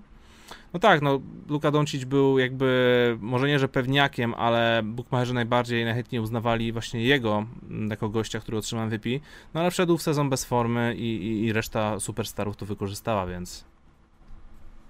Eee... W sumie odniosłeś się do tego, tak? Do tego, czy Trochę tak, znaczy mówiliśmy MVP. o KD. Pozdrawiamy y, Stelmi przede wszystkim. Mhm. Fajnie, fajnie, fajnie, że wpadasz na stream. E, powodzenia w Sz- Szwajcarii, ale chyba nieźle ci tam darzy. patrząc Tak na jest. dane, które mamy. E, tak, Empirycznie, Durant ma empi- szansę. empirycznie oceniamy, że w Szwajcarii musi być fajnie. Na pewno jest nie najgorzej. Mm? E, tak, Durant ma szansę, chociaż też tak jak powiedzieliśmy, że ciężko będzie komuś z Brooklynu zdobyć MVP, ale jeśli ktoś, to KD, a nawet jeśli nie dostanie statuetki, to nie jest takie ważne. Jedną już ma, gra fantastycznie i jest zdrowy i to jest super. W sensie, jakby wiesz, miał zdobyć MVP i resztką siły się rozwalić pod koniec, to nie jest warte, lepiej nie będzie zdrowy. E, I czekam na e, playoffy bardzo w wykonaniu Brooklynu, ponieważ nie mam zielonego pojęcia, jak obstawiać ich potencjał, Mhm. a wiemy, że w sensie wiesz, nawet jeśli odpadną załóżmy w drugiej rundzie, to myślę, że nie odpadną tak wiesz, lekko. Myślę, że tam będą wielkie mecze w jedną, w drugą, bo o to chodzi, że mogą rzucić 140 punktów praktycznie każdej drużynie. Jak Jeszcze- ładnie dzisiaj, miło i Harden i KD, tylko ten Irving drzazga w dupie. Ja tam drzazga w dupie, też nam wrzucał ostatnio. Zauważ, No tak, że, ciężko- zauważ, że oczekiwaliśmy od niego, że on wróci do składu i się okaże, że no, będą powody do tego, żeby go wymieniać. Ale nie ma tych powodów, bo w ataku robi to, co robił do tej pory. Jest, jest cały czas takim samym dobrym Kairim Irvingiem. No ale wiesz, zabiera piłkę wtedy i tak. Ale już wiesz, już dobra tam s- sportowo, sportowo, wiesz, przegrali z Cleveland, w sumie to też bardziej ich krytykujemy sportowo, ale tak jakoś, no cieplej chyba myślimy o pozostałej dwójce No tak, z tak, ich tak, tak. świętego tria, nie? No Bo ja tak. naprawdę, na, naprawdę y, ciepło, znaczy tak, naprawdę życzę powodzenia Hardenowi, chcę, żebyś tam odnalazł. Naprawdę bardzo ciepło myślę o KD i Kyrie Irving też jest w tej drużynie. Bardzo ładnie to ująłeś. To mistrz, mistrz języka polskiego. To co, moi drodzy, bardzo dziękujemy za wspólny wieczór, chociaż przepraszam cię Bartku. Chcesz, chciałbyś jeszcze coś dodać tutaj od siebie? Nie, ja już jest, jest, jest okej, dziękuję Już bardzo. się, już się Fajnie, że byliście. Już się Fajnie, że jesteście. Tak, bardzo fajnie, że jesteście. To był, to był fajny stream, fajne studio, podobało mi się. Tobie się też, Bartek, podobało? Podobało mi się. To Podobało się, dziękujemy naprawdę. Pozdro, Stelmi. Good to see you. Tak. Dziękujemy bardzo jeszcze raz wszystkim za obecność. E, Widzimy i słyszymy się oczywiście za tydzień e, tak samo w poniedziałek o godzinie 20.30. Dla wszystkich, którzy nie chcą nas oglądać, ale wolą posłuchać, to jakby co w środę e, tradycyjnie wleci też odsłuch na Spotify'a. Więc jakby co to tam możecie też tam zafollowować mój profil, żeby dostać tam powiadomienia. Nie wiem jak to dokładnie działa na tym Spotify'u. E, No i co, dziękujemy na sam koniec jeszcze e, aplikacji Noin za, za, za, za mm, partnerstwo i dziękujemy naszym mamom, że zawsze nas tutaj wspierają i zawsze są na, na czacie. To prawda. I kobietom jeszcze można podziękować. Nasze, Podziękujemy naszym kobietom. nasze kobiety jesteście w porządku, dziękujemy wam. A wam życzymy bycia w aplikacji Noin lepsi niż Łukasz, ale nie tak dobrze jak ja. Obstawiajcie. Dziękuję. Trzymajcie się do następnego razu, buziaczki, udanej nocy, yo!